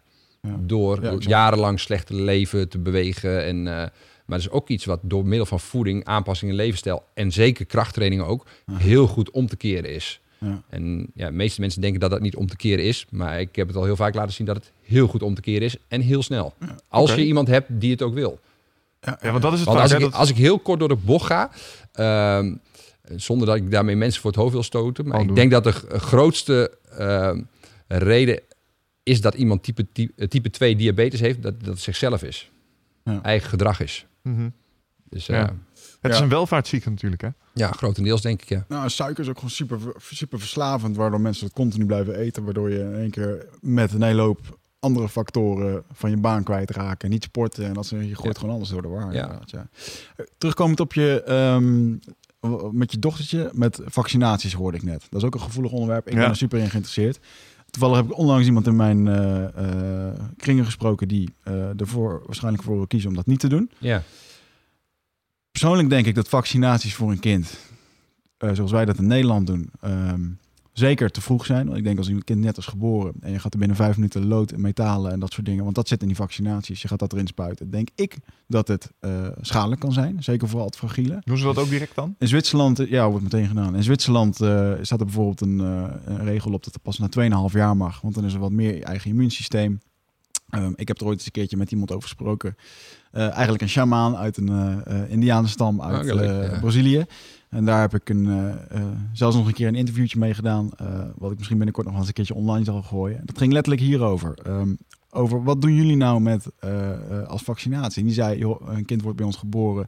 We leggen ze in een kruidenbad en that's it. Natuurlijk is het een volledig andere omgeving. Ja. Maar laten we wel wezen, wij hebben niet de parasieten in, die we daar in het regenwoud hebben. Dus het is altijd een of-of. Maar ik vond het een super interessant iets. Wat is jouw mening over vaccinaties vandaag de dag met je ervaring? En, ja ik denk, ja, dit- ik, vind het, ik vind het een lastig onderwerp eh, Mhm. blijven. Ik heb zelf natuurlijk drie kinderen. En eh, je, kind, je besluiten. Ik heb ze wel destijds laten vaccineren, omdat ik zelf daar toen ook veel minder thuis in was. ja. Ehm, misschien had ik toen een andere beslissing genomen als ik weet wat ik nu weet. Maar als je kijkt naar vaccinatieprogramma, als ik daar ook weer simpel naar probeer te kijken, als jij bijvoorbeeld DKTP eh, ingespoten krijgt, krijg je Mhm. verschillende ziektes tegelijkertijd ingespoten. Ja. Dat is niet normaal. Nee. Want jij wordt niet ziek van en eh difterie, de tyfus, de kinkhoest en eh, weet ik veel allemaal wat tegelijk. Het is meestal maar één ziekte die jij Ja. krijgt. Dus ik zie wel waarde van vaccinatie, dat wel iets kan doen waardoor je ja, eigenlijk immuun wordt voor die ziekte. Mhm. Maar om het allemaal tegelijkertijd in te spuiten, daar heb ik wel echt mijn hele grote vraagtekens over. ja. En ik, weet je, ik denk ook dat de rol van de farmaceutische industrie daarin, daarin niet helemaal zuiver is. Nee. Nee, maar ik denk ook dat het een logistiek probleem is. Ik heb vanuit eh, een, eh, eh, een job ooit ehm, een DDJGZ, digitaal dossier jeugdgezondheidszorg, uit de grond gestampt ergens. Daar was de vaccinaties was daar een belangrijk onderdeel van. Want dat was net ten tijde van de Mexicaanse griep die toen Hmm, speelde in de ja, wereld. En dan moesten ze ook in één keer gaan vaccineren. En het is heel simpel. Als je een heleboel kindjes hebt en je hebt een onderbezetting, dan is het heel prettig om die mensen gewoon in één keer te krijgen in plaats van vier losse contactmomenten. dat klopt. En ja. even los van het feit dat eh, de farmaceutische industrie misschien wel een agenda heeft die ze pushen, waar ik ongetwijfeld, eh, daar Ja. geloof ik wel in. Ja, er is ook een, Neder- een Nederlandse gozer, die heeft daar een boek over geschreven. eh, over de Mexicaanse griep en ja, de achterliggende processen ja, allemaal. zeker. En daar mag dat je wel interessant, in- vinden. interessant om iets over te lezen. En ik ben de titel kwijt. En eh, ja. Ja. die zet je wel aan het denken. Maar als je net die kinderartsen vraagt, eh, en het gaat over Mhm. vaccineren, ze zijn er heel stellig in. Eh, joh, is absoluut nodig. Want ehm, ja, we zijn ook een beetje verwend natuurlijk tegenwoordig. Want we zien niet meer zo heel veel polio en kinkhoest Ja. en mazen Ja. en dat soort dingen in onze omgeving. Dat heeft het echt geëlimineerd. Ja. Maar eh, het is onmiskenbaar dat we nu er langer mee werken. ehm, en we dus ook medische data krijgen van mensen die al jaren gevaccineerd zijn. En we daar ook bewust naar gaan kijken. Ja. Dat er nog wel wat dingen boven water komen waar echt wel iets mee moet gebeuren. Ja, dat denk ik ook, ja. Ja, als je kijkt naar ziektebeelden als ADHD en dat soort dingen. Het zijn allemaal, ja, je weet het niet. Is het een ziektebeeld? Is het verzonnen iets? Eh, heeft het te maken met vaccinaties? Of met gewoon kinderen achter die fucking iPad laten zitten de hele dag. Waarbij ze helemaal tureluur voor vierkante ogen krijgen. En Ja. eh, niet aan hun beweging komen. Het is zoveel combinatiefactoren. Tenminste, dat denk ik daarin. Ja, weet je, een ADHD is natuurlijk... Ja, ik denk dat het grotendeels een voedings eh, iets is. Dat je daar Mhm. veel mee kan doen. Ja. En we vinden tegenwoordig natuurlijk ook wel kinderen al heel snel druk, hè? ja. Dus dat is makkelijk om zo'n stempel erop te drukken. Terwijl wij misschien vroeger ook wel zo druk waren. Maar toen bestond die term nog niet. Dus Ja, je pakt er ook minder snel die sticker op. Ja, het is eigenlijk best wel dat slecht hè. Dat je zegt van, ah, het is zo'n druk kind. Nee, Je kan het jij gewoon bent zelf wel te druk. Je kan er zelf niet meer handelen. Dat klopt, kind ja. Gewoon, eh, Ja. ja. Ja, en je duwt er de verkeerde dingen in. Want als je je kind alleen maar cola blijft geven, ja, dat gaat Ja. ook niet werken met zijn energieniveau. Snap Ik je? weet Dan nog worden ze nogal stuiterachtig. Ik van. weet Ja. nog echt dat vroeger op de basisschool was al dat, eh, dat er inderdaad toen al, ik vond het toen heel erg stom, dat we niet echte cola kregen. Want eh, er zat te veel suiker in. Of Ja, mijn ouders vonden ja. We hadden ook van die vriendjes. slim. Ja. Dan mocht je niet snoepen, dan kreeg je alleen maar thee. Maar eigenlijk nu je verder in je leven bent, hadden die mensen het gewoon bij het rechte eind. Ja, Die begrepen het gewoon al. Ja, de, Ja. ja. de geitenwolle sokken van toen waren toch niet zo gek. Krijg je dat thuis een beetje verkocht? Want eh, ben je er streng in eh, voor je kinderen? Van hey, geen suiker, geen snoepjes hier? Of, Oh nee, ik ben, ik ben niet super streng. Maar ik probeer ze wel ehm, al dingen bij te brengen van wat goed is om te nemen en wat niet goed is om te nemen. Dus eh, bij bijvoorbeeld de avondeten, dan eh, geef ik al aan van wat ze wel op moeten eten en wat ze zouden mogen laten staan. Hmm. En eh, ik probeer ze er bewust van maken welke keuzes ze maken. Snap ik. En dan geef ik ook wel eens inderdaad de voorbeelden van een kind wat het heel goed doet en ook heel goed presteert, maar ook het andere kant wel eens. Een kind wat veel te dik is en de hele dag crap erin gooit. Dan Mhm. zien ze ook zelf wat, wat iets met iemand doet. Pikken ze dat een beetje op? Ja, we- ja, zeker, absoluut. Ja, als ik naar mijn oudste kijk, die pakt dat heel goed op, ja. En die is nu? 13. Oké. Ja. Hmm. Gaaf. Dus die snapt dat heel erg goed. En mijn middelste is, dat mijn, eh, is mijn dochter met eh celiakie. Dus Mhm. die snapt ook al heel goed wat voeding eh, doet met haar. Ja, Ja, Ja. begrijp ik. Oké. maar goed. Hoe eh, ziet het regime voor jouw kinderen eruit? Zijn het allemaal eh, kinderen die squatten en eh, mobiel zijn en flikvlaks door de kamer heen doen? een paar van die superkids zie ik voor. Ja, als we genetisch mijn mobiliteit zouden hebben, zou het heel slecht zijn. Maar, nee, nee, helemaal niet. Nee, weet je, ik vind, qua sport vind ik dat mijn kinderen zelf moeten ontdekken wat ze leuk vinden. En ik hoop dat ze een passie vinden in een sport en daarmee verder gaan. Ja. En Ja. mijn zoontje heeft dat echt gevonden. Die passie wordt nu iets minder, maar dat is op zich ook geen probleem. want Dat hij weer andere dingen vindt. Die heeft dat gevonden in, eh, in het hip-hop dansen. Mhm. Dat kan hij echt heel erg goed. En eh, ik heb daar zelf helemaal niks mee. Ik vind die muziek ook kut. Maar hij, hij kan- ik vind het wel heel erg gaaf om eh, te zien hoe goed iemand dan Mooi. en hoe snel iemand leert bewegen. Ja, Ja. want daar hadden we het er straks ook al even over, hè? over eh, passie. En eh, wat me toch wel opvalt is dat eh, met de mensen die we hier over het algemeen in de studio spreken, is dat dat toch wel een cruciaal ingrediënt is voor het succes dat ze over het algemeen gehad hebben. Dus Absoluut. gewoon echt hun hartstocht volgen. En- word je Ja. geen eindbaas. Nee, ik denk het niet. maar was het altijd al zo dat dit echt onderwerpen waren waar je eigenlijk niet over uitgesproken kon raken? Want dat is hoe ik mijn passies herken. Als ik er constant over wil lullen, dan zit Ja. ik vaak goed, zeg maar. Nou, ik, eh, ik ben er wel op, lang op zoek geweest naar wat, wat ik graag eh, zou willen doen, zeg maar. En ik Hmm. heb toen inderdaad fysiotherapie gedaan. Maar was dat een passie? Nou, echt helemaal niet. Het was meer een irritatie. Daarom heb ik er ook 6,5 jaar over gedaan. Ja. Ondertussen stond ik aan de deuren en- in Amsterdam en eh verdiende ik goed geld. Dus ik had ook allemaal geen haast. Je was portier. Ja. En... Maar je moest wat doen. Je moest, moest, je ja, maar ik zag toen ook wel, weet je, om mijn hele leven aan de deur te staan, dat is ook niet wat ik wil. Nee. Dus ik heb wel mijn opleiding afgemaakt en eh, uiteindelijk dus bij de mariniers gekomen, die eh, professor ontmoet en die heeft echt mijn passie aangewakkerd van eh, ja, performance echt. Mhm. Dus, eh, dus Ja. iemand gewoon beter laten functioneren. Of die nou van heel slecht, heel ziek komt of van een topsporter die op zijn top staat, om die nog weer beter te maken. Dat is echt wel, eh, ja, eigenlijk, eigenlijk iedereen behandelen als een atleet. Ja. Dat, dat vind ik gewoon heel gaaf. Je kan overal verbetering genereren. Maakt niet uit wie je voor je krijgt. Wanneer, wanneer heb je de volgende stap genomen om eh, eh, dat hele pakket samen te vatten, voor jezelf op een rij te zetten van oké, dit is nu mijn visie en nu ga ik er zelf wat mee doen? Maar eigenlijk ook, eens- als je kijkt naar de, eh, destijds de, de kennis die beschikbaar was in Nederland, eh, voor- voor met name krachttraining, personal training en dergelijke, die Mhm. was echt in mijn ogen heel slecht. Ja. En ik denk kan heel erg roepen dat het heel slecht is, zoals heel veel mensen altijd kritiek op iedereen en alles hebben. Ik denk daar wil ik niet aan meedoen. Ik wil gewoon eigenlijk gewoon iets beters neerzetten waar mensen hun voordeel mee kunnen doen. Mhm. En eh, nou, jij zit nu bij mij ook in de opleiding. Je weet, eh, wij vertellen echt letterlijk wat wij weten en wat wij denken dat zo is. Mhm. En eh, we gaan niet roepen met allerlei verschillende onderzoeken die dat allemaal ondersteunen. Nee, we vertellen iets, we laten het je voelen, we laten het je zien. We willen dat je het probeert en kijken of het werkt. Ja. Want er is niks is heilig. Er is geen trainingsschema heilig. Er is niet een behandelmethode die heilig is. En eh, we willen gewoon echt zoveel mogelijk zinvolle tools aanbieden. Ja. En, maar dat komt dus echt voort uit dat er niks beschikbaar was in onze ogen. Ja. Wat ik wel heel moeilijk vond aan eh, een van de belangrijkste lessen die ik bij jullie nu al heb opgepikt en die ik moeilijk vind, is het feit dat wat voor mij werkt mogelijk niet voor anderen werkt. Het is Klopt. ongelooflijk lastig, want wat je zelf omschrijft over visio's, dat is heel herkenbaar bij mezelf. Ik wil gewoon een lijstje en een protocolletje, want dat is lekker makkelijk. Dat klopt, hoef je zelf niet meer is- na te denken. Ja, exact. En eh, als je het eh, dan heb je van die, eh, bijvoorbeeld dingen, eh, release. Ja. Daar kan ongelofelijke mobiliteit kun je daar ineens eh, mee krijgen. Voor mij werkt het fantastisch. Wat is het? Voor- Uitleggend voor de En luisteraars. misschien kan eh, Bas dat beter zeggen. Nee, we hebben ook op basis van heel veel behandelmethodes die wij geleerd hebben wereldwijd, hebben we eigenlijk samen een, eh, ja, een systeem neergezet. Dat bestaat uit release, activation en rehab. Dus eigenlijk rehab is revalidatietraining. Activation is eigenlijk activatiepunten op je lichaam die de connectie tussen je hersenen en je spieren kunnen verbeteren. Ja. Die je kan inzetten om iemand meteen beter te laten functioneren. Ja. Dat werkt heel vaak, maar soms ook niet. Nou ja, dat is ook informatie.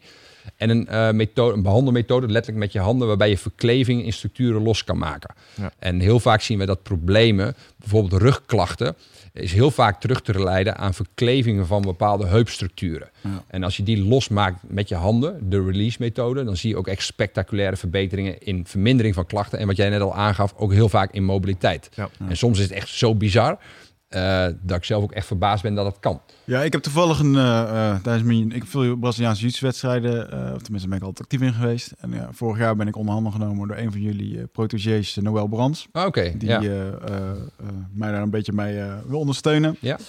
En ik mag eigenlijk wel zeggen dat hij mij daar eigenlijk gewoon mee sponsort. Dus daar ben ik hem hartstikke dankbaar voor. Ja, maar in ieder geval, Dankjewel eh, Noël. goede krachttraining. En ehm, op een gegeven moment toen zei ik tegen hem, ik wil gewoon eens wat met mijn mobiliteit gaan doen. Ben ik bij hem langs geweest. Heeft hij mij anderhalf uur, eh, ja, soort van Gemarteld. in elkaar geslagen. Alleen dan puur door eh, eh, eh, op spieren te wrikken en te, eh, gewoon echt de goede eh, pijnpunten aan te pakken Ja. in benen en dingen. En ik Ja, was eigenlijk best wel altijd best wel stijve hark. Ik kon nooit mijn eigen tenen raken. Dan moet je voorstellen dat als ik voorover stond en ik boog voorover, kwamen mijn handen, mijn vingers kwamen net eh, voorbij mijn knie. Slash halverwege mijn schenen. Ja. En eh, eh, anderhalf uur daar gelegen. En ik denk dat ik eh, voor het eerst in eh, tien jaar mijn tenen kon aanraken. Ja. Weet je, de foto staat op mijn Instagram als je het een keertje wil kijken. Dan moet je nog gewoon zoeken op Weert Meerman. En er staat de foto bij. Maar eh, echt gewoon na anderhalf uur tijd. Maar ik dat is ook- Ik wist niet eens een seconde. Dat is precies waarom ik het uiteindelijk ook zelf wilde leren. Want Ja. hij deed eh, bij mij een soortgelijke grap. En ik kon in één keer weer met, eh, met mijn billen op mijn hakken komen. Daar waar ik dat volgens mij nog nooit had gekund. Ja, van spreken. En ja, het werkte. Dus ik dacht, oké, dit is echt heel handig om te kunnen. Want in één kon ik gaan squatten. Of kon ik een, een nette deadlift maken of iets dergelijks. Ja, zo kan je het dus ook inzetten. Dat je meteen in training meer opties hebt om te kunnen doen. En, maar je kan het ook inderdaad in bij gewoon klachten. Mensen die echt beperkt worden door een klacht. Kan je het inzetten zodat ze minder klachten hebben. Ja. En het werkt vaak heel goed. Soms ook niet. Maar dan is verklevingen van structuur ook niet het probleem. Dus het, als iets niet werkt, geeft dat ook heel veel inf- informatie over wat je dan maar niet meer moet doen. Mhm. Want ik word echt helemaal gek van... eh, of ik werd helemaal gek, nu niet meer. Maar als ik, als ik mensen hoor roepen van... Ja, weet je, dat, ik hoef die methode, die hoeft mij niet te behandelen. Want ik heb al een goe- goede fysio en kom er al twee jaar. Ja. Dan hebben ze misschien een hele aardige fysio, maar niet een hele goede. Maar anders liep je er geen twee jaar. Nee. Dus eh, Maar verklevingen begin- beginnen heel simpel. Ik ben de laatste keertje bij mijn fysio geweest. En die begon als het ware gewoon even eh, de huid van mijn eh, spier gewoon heel los eraf te trekken. En echt zeer. Alsof hij erin snee met een mes, weet je wel. Ja. Maar, toen deed hij twee weken later weer. Toen was dat niet het geval. Hij zei, Ja. nou, dat is een typische vorm van verkleving. Dat gewoon... dat kan. We praten wel op een ander niveau, zeg maar. Wij Mhm. eh, gaan met name op spierpees, eh, banden, zenuwweefsel. Dat, is waar wij eh, aangrijpen met de release methode. Want spieren zijn eigenlijk ook allemaal, als het ware, bandjes langs elkaar. die dus als het ware... Ja, het is gewoon bindweefsel in beweging. En die horen ook dus in beweging te zijn ten opzichte van elkaar. En daar gaat het vaak mis. Ja. En daar kan je dus ja, echt wel veel doen. Want waar komt verkleving vandaan? Ja, verklevingen, eh, de, de oorzaak van verkleving is in principe vaak eh, zuurstoftekort in het weefsel. Waardoor Mhm. kan zuurstoftekort ontstaan? Dus eigenlijk door niet bewegen, wat heel veel mensen doen. Ja. Dus die zijn gewoon te inactief. Maar het kan ook overmatig bewegen zijn, waardoor je wat eh, ontstekingsreactie krijgt. En bij een ontstekingsreactie heb je ook een periode wat, met wat minder zuurstof. Mhm. Dus het kan verschillende oorzaken zijn. Ook en eh, lactaat en zo, want dat komt dan een beetje terug op de krachttraining. Dat je lactaat vasthoudt in je spieren en zo. Zijn dat ook allemaal Ja, maar lactaat hou je in principe niet vast. Alleen je bouwt het op in een training. En als je dan de spanning weer loslaat, Mhm. dan voert lactaat ook weer af. En je zit nu maar die- thuis en je denkt, wat is lactaat? Maar die afvoering die kan slecht... eh die, mensen kan die, afvoering... eh, Die kan niet optimaal zijn, dat Ja, klopt. precies. Dus dat, dat je, weet je, we praten al over lactaat, maar het zijn meer stofjes die daarbij betrokken zijn hoor. Mhm. Maar dat is voor de meeste mensen het meest duidelijk. Maar dan, eh, wat daarin heel belangrijk is, onder andere het lymfesysteem. En als je het lymfesysteem beter laat functioneren, beter laat stromen, eh, dan kan je ook veel makkelijker je vermoeidheidsgevoel in je, ja, in je structuren bijvoorbeeld. eh, je hebt bijvoorbeeld eh, je onderarmen lopen vol na deadliften. Mhm. En als je het lymfesysteem goed functioneert, kan dat ook gewoon veel, heel snel afgevoerd worden. Ja. En uiteraard ook je cardiovasculaire systeem. Ja, helder. Wat is lactaat? Even voor de mensen die het niet weten. Eh, ja, de, de, het woord is melkzuur. Hè? Ja. Dus het zure gevoel wat je krijgt als jij bijvoorbeeld gaat deadliften. dat wat ervoor zorgt dat je iets uiteindelijk niet meer van de grond krijgt of omhoog krijgt. Ja, bijvoorbeeld. Ja. Vermoeidheidsgevoel. Ja, Ja. oké, helder. Of je gaat je biceps trainen, bijvoorbeeld eh, 12 herhalingen in een eh, gecontroleerd tempo met een zwaar gewicht, wat je ook maar net keer 12 kan. Dan krijg je ook een soort pomp.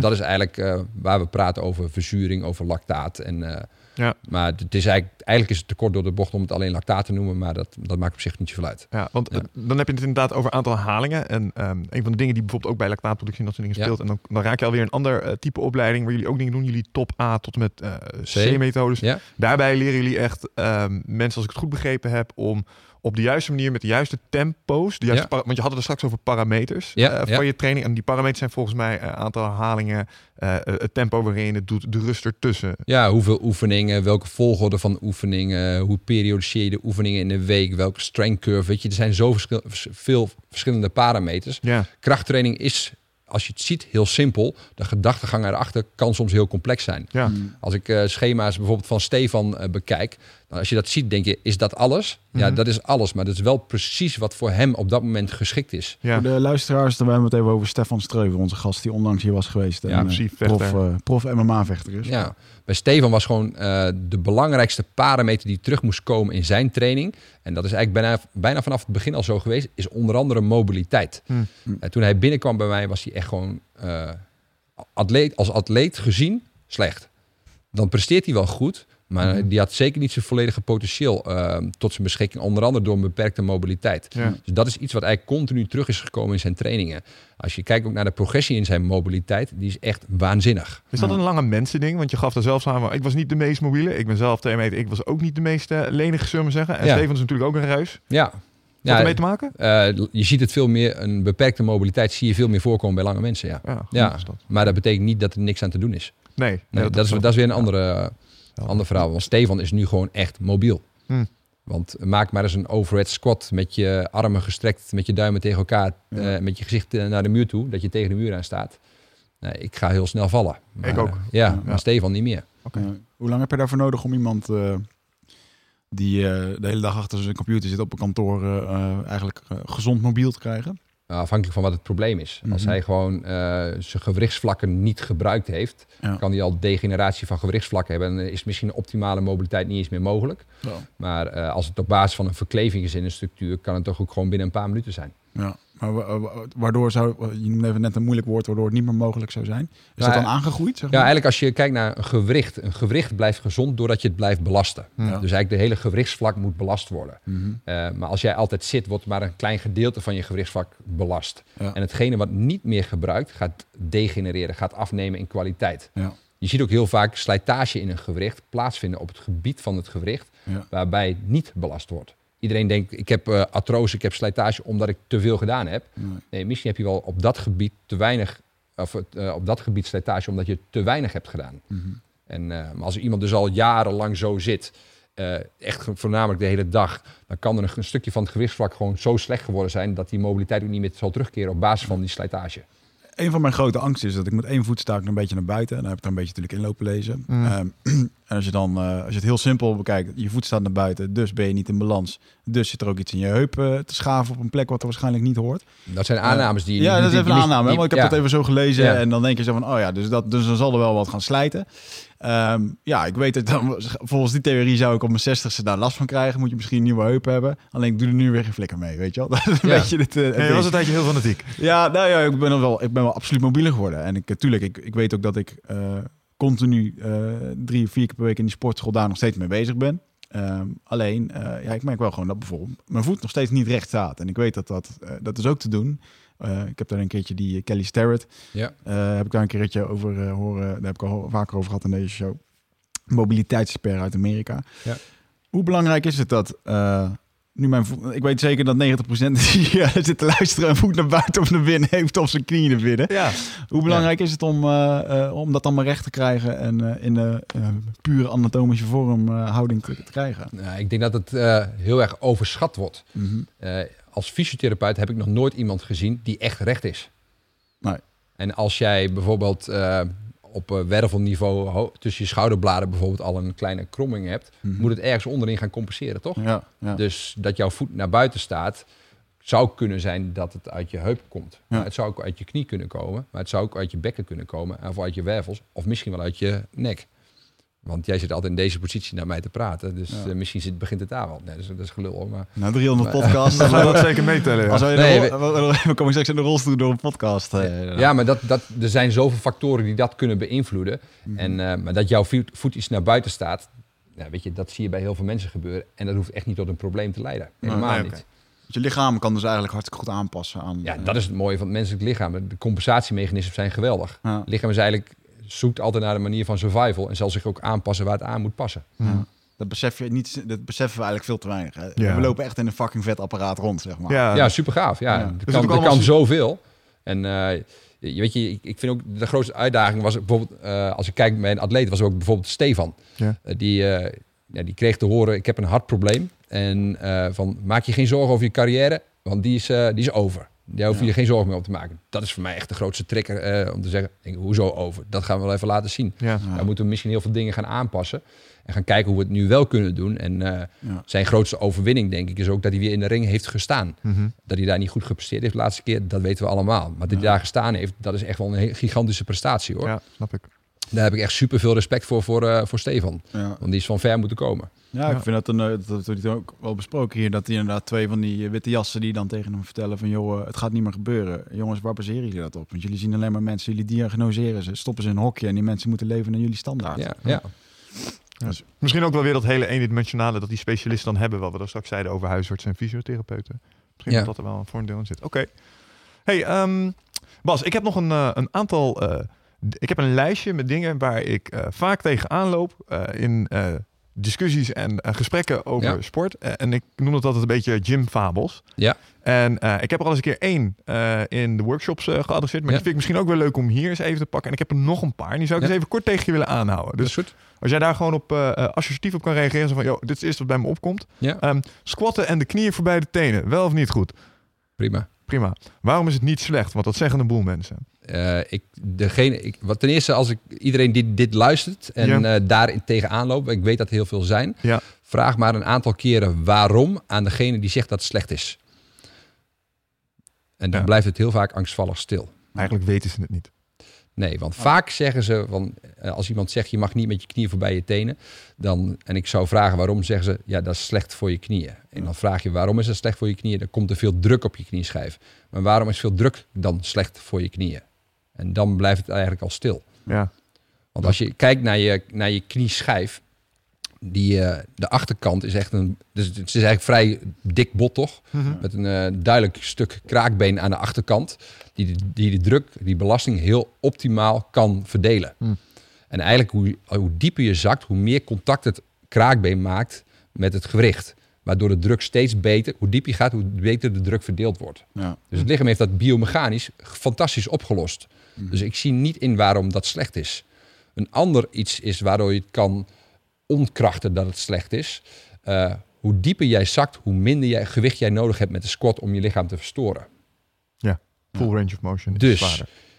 Daardoor, omdat ja, full range of motion is veel zwaarder. Want het maar eens doen als je het nooit gedaan hebt. Dan moet je ego even opzij gezet worden en het gewicht gehalveerd als je dat gaat redden. Ja. Ass to the grass. Dat is Ja. niet voor iedereen in een sportschool. Nee, Ja. voor mij ook nog niet. Maar working on it.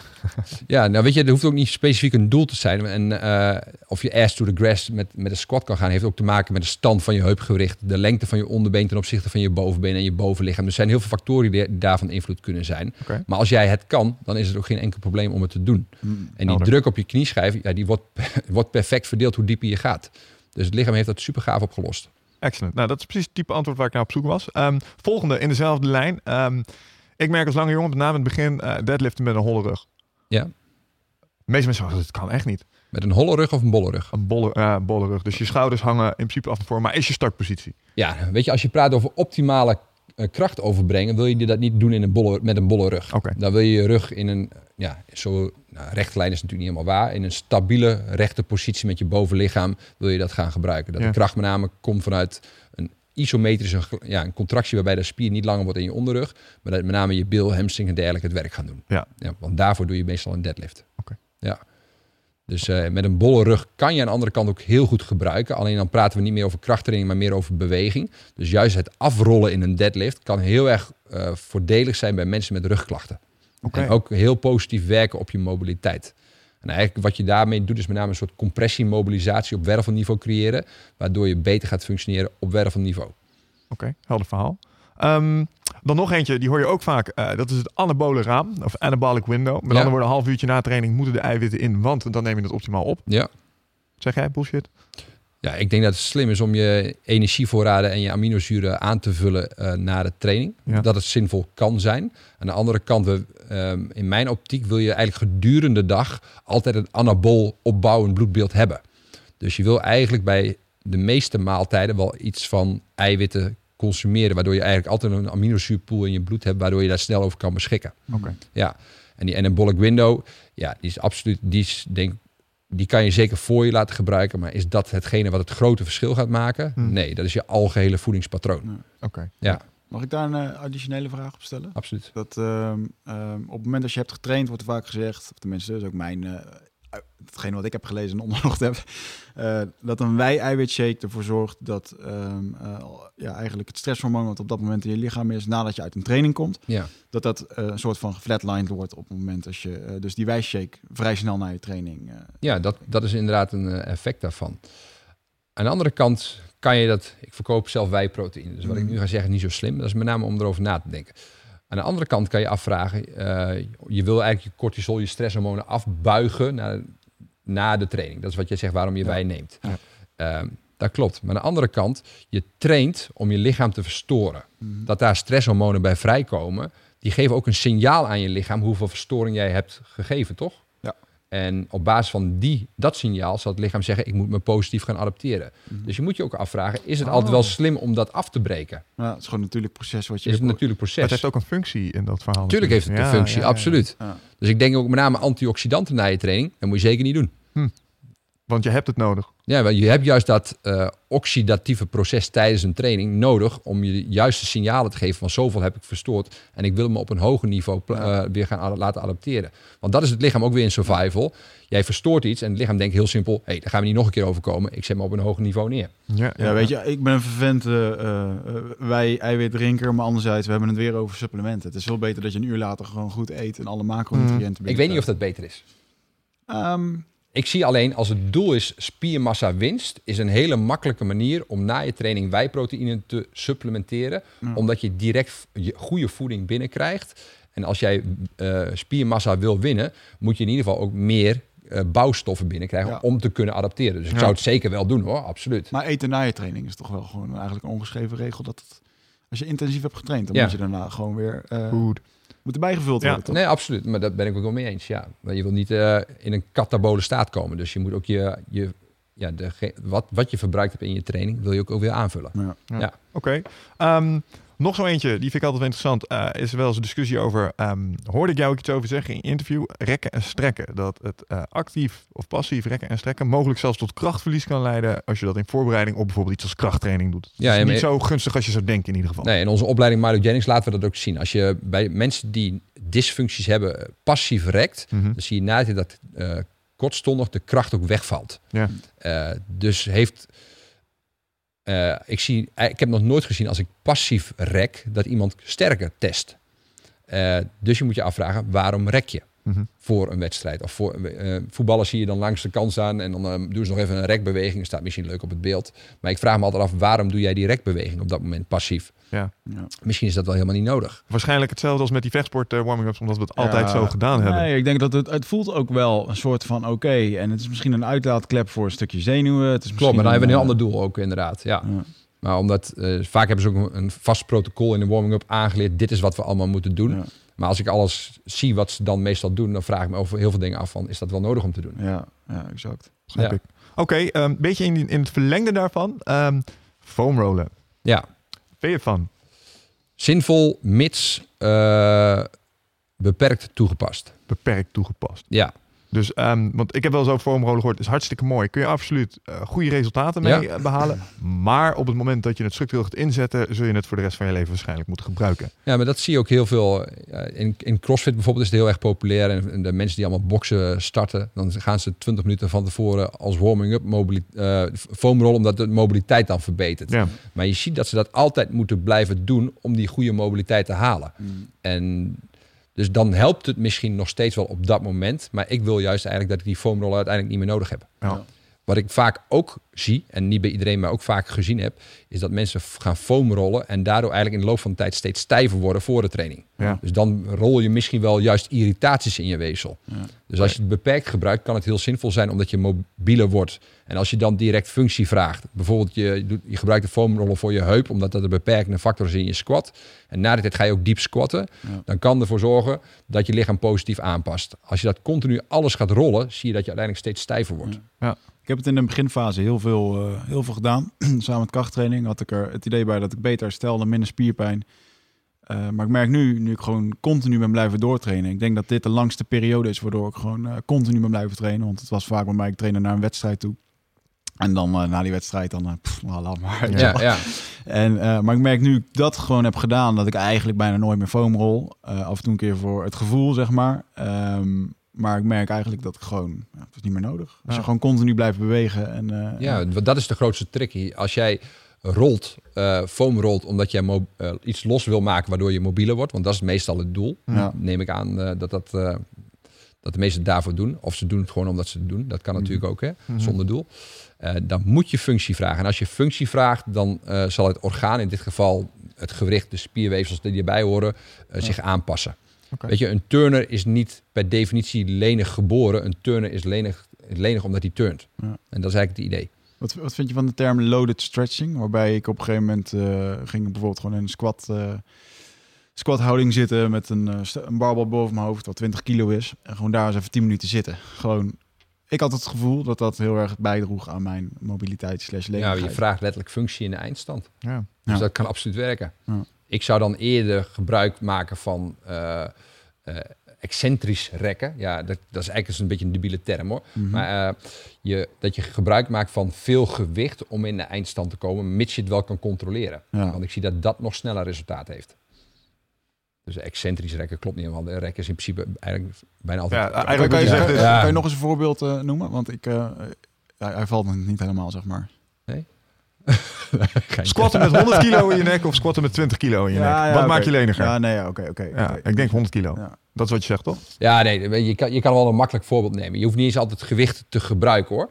Maar ehm, als jij bijvoorbeeld eh, op de grond zit met je benen gestrekt en je wil je hamstrings rekken. Ja. Ja, dat kan je doen door naar voren te gaan leunen en proberen je tenen aan te raken. Of ik kan aan jou vragen, ik wil dat je zo hard mogelijk je hakken in de grond duwt en dan naar voren komt. Ah, oké. En dan krijg je eigenlijk een contractie van je hamstrings, onder andere. Aha. En als je dan naar voren komt, dan wordt de spier langer terwijl je aan het rekken bent. Ah, dat, is, oké. dat is ook natuurlijk rekken. Cool. Maar dat, als je die, dat combineert met, dus met een contractie, dan word je sneller mobieler. Nou, ga ik zeker even Ja. induiken. Vind ik een Ja. interessante. Goeie dit. Oké, eh, ik heb nog een laatste. eh, Ja. En dat is ehm, high intensity interval training in combinatie met het afterburn effect. Dat is ook een tijdje lang heel erg populair geweest. Van ja, je moet hit trainen. Want dan Ja. krijg je de gritlesjes die je links en rechts overal ziet opduiken nu. Die, Ja. die spelen daarop in. Want dan heb je afterburn. Ja. EPOC. excessive Mhm. post-oxygen consumption of iets dergelijks. Ja. En wat ze zeggen is, joh, dan zit je nog een x aantal dagen. Daarna zit je in een soort fysieke staat waarbij je bovengemiddeld veel verbrandt. En dat is goed voor droog worden. Eh, dat heeft effect. Dat, daar hebben ze in onderzoek ook laten zien dat het zinvol is om te doen. Oké. Ehm, dat klopt. Maar als jij praat over ik wil zo snel mogelijk effect, zal alleen een toevoegen van een hittraining zal niet het, vers- het grote verschil gaan maken. Ah, die gain die je daar pakt. Je moet gewoon, het is een combinatie van je voeding, je normale training in combinatie met dan eventueel hittraining. Alleen heel veel mensen doen zogenaamde vormen van hittraining, terwijl het niet echt hit is. Oké. Ja, Want wat, eh, wat maakt het echt hit en wat maakt het net niet hit? Eh, hit is eh, in mijn, als ik die high intensity interval training eh, toepas, bijvoorbeeld met kettlebell swing of met een sprint of iets Ja. dergelijks, dan wil ik dat het altijd op 100% effort intensity eh, plaatsvindt. Ja. Dus ik wil dat jij, jij zoveel mogelijk geeft van wat jij hebt. Dus als jij 100 meter kan sprinten in 12 seconden, moet je hem ook sprinten in 12 seconden en niet in 13. Mhm. En als je die 100% effort geeft, dan heb je ook het maximale effect van die high intensity training. Ja, ik denk dat dat met name het lastigste is voor de meeste mensen. Om echt dat klopt, dat is 100% te mentaal hartstikke zwaar. Ja. ja en da- dat is niet erg, maar dan, Ja. dan praat je echt over optimaal effect. Ik denk dat dat ook is waarom eh, dingen als het eh, Tabata-protocol er zo goed bij hebben. Omdat het maar 20 seconden is. Ja, Dat is een beetje overzichtelijk. Het- Ja, het is wel 8 keer 20 seconden. En na ronde 4 ben je er wel behoorlijk klaar mee vaak. Maar ja. Maar hoe ga je die 20 seconden? Die, die- je kan 100% gaan, maar je kan ook 50% gaan. Ja, dat is 20 zeker waar. dat, dat is klopt. het lastige En ook dat, gebeurt vaak. Ja. En dan zie je, dan hebben we weer eh, een paar van die enter-trainers hebben weer iets gelezen over Tabata dat het zo effectief is. Ik Mhm. gebruik het ook in mijn kettlebell training, Ja. omdat mensen daar heel veel over na kunnen lezen. Dat is de reden. Maar het is geen heilig protocol, het is alleen een efficiënt protocol. Nee, het, is, Ja. het is een, En, een eh, theorietje inderdaad. Dat klopt, ja. En daar zit wat research achter. En, eh, maar ja, dan zie ik in ieder geval dat ze het Tabata-protocol gaan doen met een biceps curl. Ja. Weet je? Maar dan heb je het gewoon echt niet gesnapt. Nee. En, maar dat zijn echt veel mensen die dat doen. Ja. Het staat, ik, ik heb het zelfs voorbij zien komen in de mens held.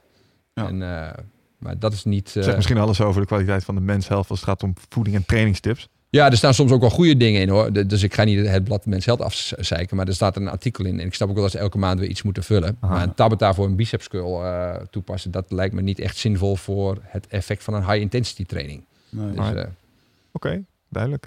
Ehm, ik ben eigenlijk wel redelijk eh, door mijn vragen heen op dit moment. Ja. Ehm, zijn er nog dingen die jij op dat moment, ehm, waarvan je zegt van, joh, eh, nu ik hier toch zit en eh, er zijn dingen die ik tegenkom eh, vanuit mijn dagelijkse praktijk. En dat is iets dat zou ik je luisteraars echt absoluut tussen de oren willen zetten. Voor als je nou één ding uit dit hele verhaal meeneemt, dan is het dit. ja, kijk kritisch naar jezelf en naar wat je leert van anderen. En kijk of het werkt. Of het Ja. ook daadwerkelijk werkt. En laat je niet misleiden door allerlei bronnen die gooien met... die alles zogenaamd onderbouwen met heel veel onderzoeken. Mm. Weet je, ik ben niet helemaal niet tegen onderzoek, maar het moet uiteindelijk wel het resultaat opleveren wat jij wil. Ja. Ik, lees, ik heb echt heel veel onderzoeken gelezen, dus ik, ik weet echt dat je daar ook positieve dingen uit kan halen. Maar laat je niet de- die, die onderzoeken een mist optrekken waardoor je het niet meer ziet. Je ziet het omdat het werkt. Oké. Daar moet je echt gewoon naar gaan kijken. Doe, als jij iets doet met een bepaalde doelstelling, heeft dat ook een positieve, positief effect op die doelstelling. Ja. Een, een term wat heel veel gebruikt wordt, is natuurlijk functional training. Mhm. En eh, dan zie ik bijna iedereen eh, op Instagram en Facebook, en daarom zit ik er ook allemaal niet zoveel op, maar ik word er Mhm. een beetje gek van. eh, dat ze functional training doen en dan doen ze gewoon een oefening die ergens op lijkt. Dat is niet functional, nee, dat is gewoon een oefening doen die ergens op lijkt. Dat heeft niks met functional te maken. Want functional is eigenlijk oefening A doen, waardoor je beter, wil, beter wordt in oefening B, jouw gewenste doel. Mhm. Dus als jij kijkt naar bijvoorbeeld eh, eh, de een of andere, dan, dan zie ik ze letterlijk met een, een golfclub aan een, eh, aan een poelie de beweging maken die in golf ook plaatsvindt met een golfswing. Dat heeft niks met functional te maken. Je verstoort daarmee alleen het motorisch patroon en de swing wordt waarschijnlijk slechter. Oké. Dus wat is functional voor een, een golfswing? Dat zou misschien wel de release methode kunnen zijn voor de latissimus dorsi. Want dat is vaak een beperkte factor in de swing. Dus dan is het functional training is geen training, maar functioneel behandelen voor eh, het verbeteren van de swing. Dus kijk altijd van kritisch naar wat je doet. Heeft oefening A of training A positief effect op jouw gewenste doel? Ja. Dat is functional training. Precies. Dus als je goed wil worden in kickboksen, moet je oefeningen doen die je daarbij ondersteunen. Of als je Ja. goed wil worden in MMA of golfen in dit geval. Ja, bij Stefan was bijvoorbeeld, eh, Stefan Struve, eh, was bijvoorbeeld, is het heel functioneel gebleken om te werken aan mobiliteit, waardoor hij makkelijker weg kon komen met zijn bewegingen op de grond. Ja. Dus de Ja. mobiliteitstraining in de gym had een positief effect op de prestaties die hij kon leveren op de grond in zijn worstelen. Ja, snap ik. Ja, en dan heb ik hele simpele oefeningen die helemaal niet op het worstelen lijken, maar die wel een transfer daar naartoe hebben. Dat is functioneel. En is, de, dat was, is dat de enige methode die, ik, eh, die werkt voor hem? Nee, natuurlijk zijn er meerdere wegen die naar Rome leiden. Maar ik probeer heel simpel vanuit mijn gereedschapskist, de kennis die ik heb, het optimale in te zetten. In dit, voor dit geval Stefan. Begrijp ik. Oké, helder. Ongelooflijk veel kennis. eh, volgens mij eh, in deze bijna inmiddels alweer twee uur. Ik Ehm, begin weer te twijfelen aan alles wat ik wist en ja, doe. dat vind- maar dat vind ik het mooie aan. Want Is elke dat twee uur, ja? Ja, dat gaat heel hard. ja. Ehm, elke stap voorwaarts eh, gaat natuurlijk gepaard met een momentje van eh, onbalans. En eh, ik word altijd door dit soort kennis eh, een beetje in onbalans getrokken. Maar ik denk dat dat eh, heel erg goed is. Stel mensen willen iets eh, meer weten over Bas en de dingen die hij doet. Waar kunnen ze je dan vinden? Nou, ik denk dat voor de luisteraars twee interessante dingen zijn. Als je meer wil weten en geïnteresseerd bent in opleidingen, kijk ons op, op onze site overloadworldwide.nl. Hm. Wil je direct aan de slag eigenlijk met, eh, met voeding en training? We hebben op onze site mijnphp.nl hebben wij een link naar een gratis programma. En daar krijg je eigenlijk al heel veel informatie, ook over dingen die ik onder andere vandaag al gezegd heb. Dus daar kan je eigenlijk direct al aan de slag met een niet op maat gemaakt programma voor jou, maar wel op een programma wat werkt voor heel veel mensen. Oké, Wil je, het op- wil je het echt op maat gemaakt hebben, dan zal je een stapje verder moeten, maar dat lijkt me vrij logisch. oké, helder verhaal. Kunnen ze jou vinden op eh, social media? Zo? Ja, eh, on- ja, onder mijn naam baswillemsen.nl en we hebben een fanpage Overload Worldwide. Oké, sowieso even leuk voor de luisteraars die eh, eh, fan zijn van deze podcast. Zou het super leuk vinden als jullie wat posten op social media. Op Instagram, Facebook of Twitter. Doe dat met de hashtag eindbazen of een hashtag overload erbij. En dan komt het bij ons op de website voorbij. En dan kunnen we mooi een beetje de interactie aangaan. Dat stukje wordt gesponsord door eh, Easier. Een platform waarbij je heel makkelijk verschillende sociale media door kan publiceren op toffe tv-schermen. Bijvoorbeeld in je gym of op je website. Zodat je een beetje kan zien wat er eh, over jou wordt gezegd. Het zogenaamde user-generated content. Eh, dus als jullie wat met hashtag eindbaas willen doen, dan eh, weten wij wat jullie van onze podcast vinden. Ja, en als ik daar zelf nog een kleine toevoeging aan moet doen. We staan sinds kort ook op iTunes. Eh, dat loopt leuk. En als je ons een lol zou willen doen, dan geef je ons daar ook een rating. En abonneer, je onze, abonneer je jezelf op onze YouTube-kanalen. Eh, dan weten wij ook dat er een stukje respons is. En dat is ook weer erg motiverend voor ons. Ehm, en tot slot werd deze podcast mede mogelijk gemaakt door Nutrofit. Of vandaag eigenlijk iets specifieker door het product Smart Caffeine. Voor de mensen die eh, gek zijn op koffie, maar ook een beetje erop willen letten dat ze niet aan hun tax komen te zitten. Eh, ik gebruik Smart Caffeine. Nou, de naam zegt het al. ehm, als een cafeïne supplement, maar het wordt eh, gecombineerd met L-theïne. Dat is een extract uit groene thee. En wat dat voor mij met name doet is, en misschien ken je dat wel, als je net iets te veel bakjes koffie op hebt, dat je een beetje een zenuwachtig gevoel krijgt. De jitters, zoals ze dat ook wel eens noemen. Ja, die theïne die eh, onderdrukt dat enigszins eh, voor mij. Met als gevolg dat ik gewoon eh, nou ja, langere tijden mijn concentratie kan vasthouden en gewoon een beetje scherp van geest kan blijven. Erg handig als je podcast, maar ook bijvoorbeeld als je lastige documenten moet opstellen of een presentatie moet geven Ja. of eens een keer moet knallen in een eh, commercieel gesprek of iets dergelijks. Dus ehm, Helpt het ook als je zenuwachtig bent als je met een meisje staat te praten? helemaal niet.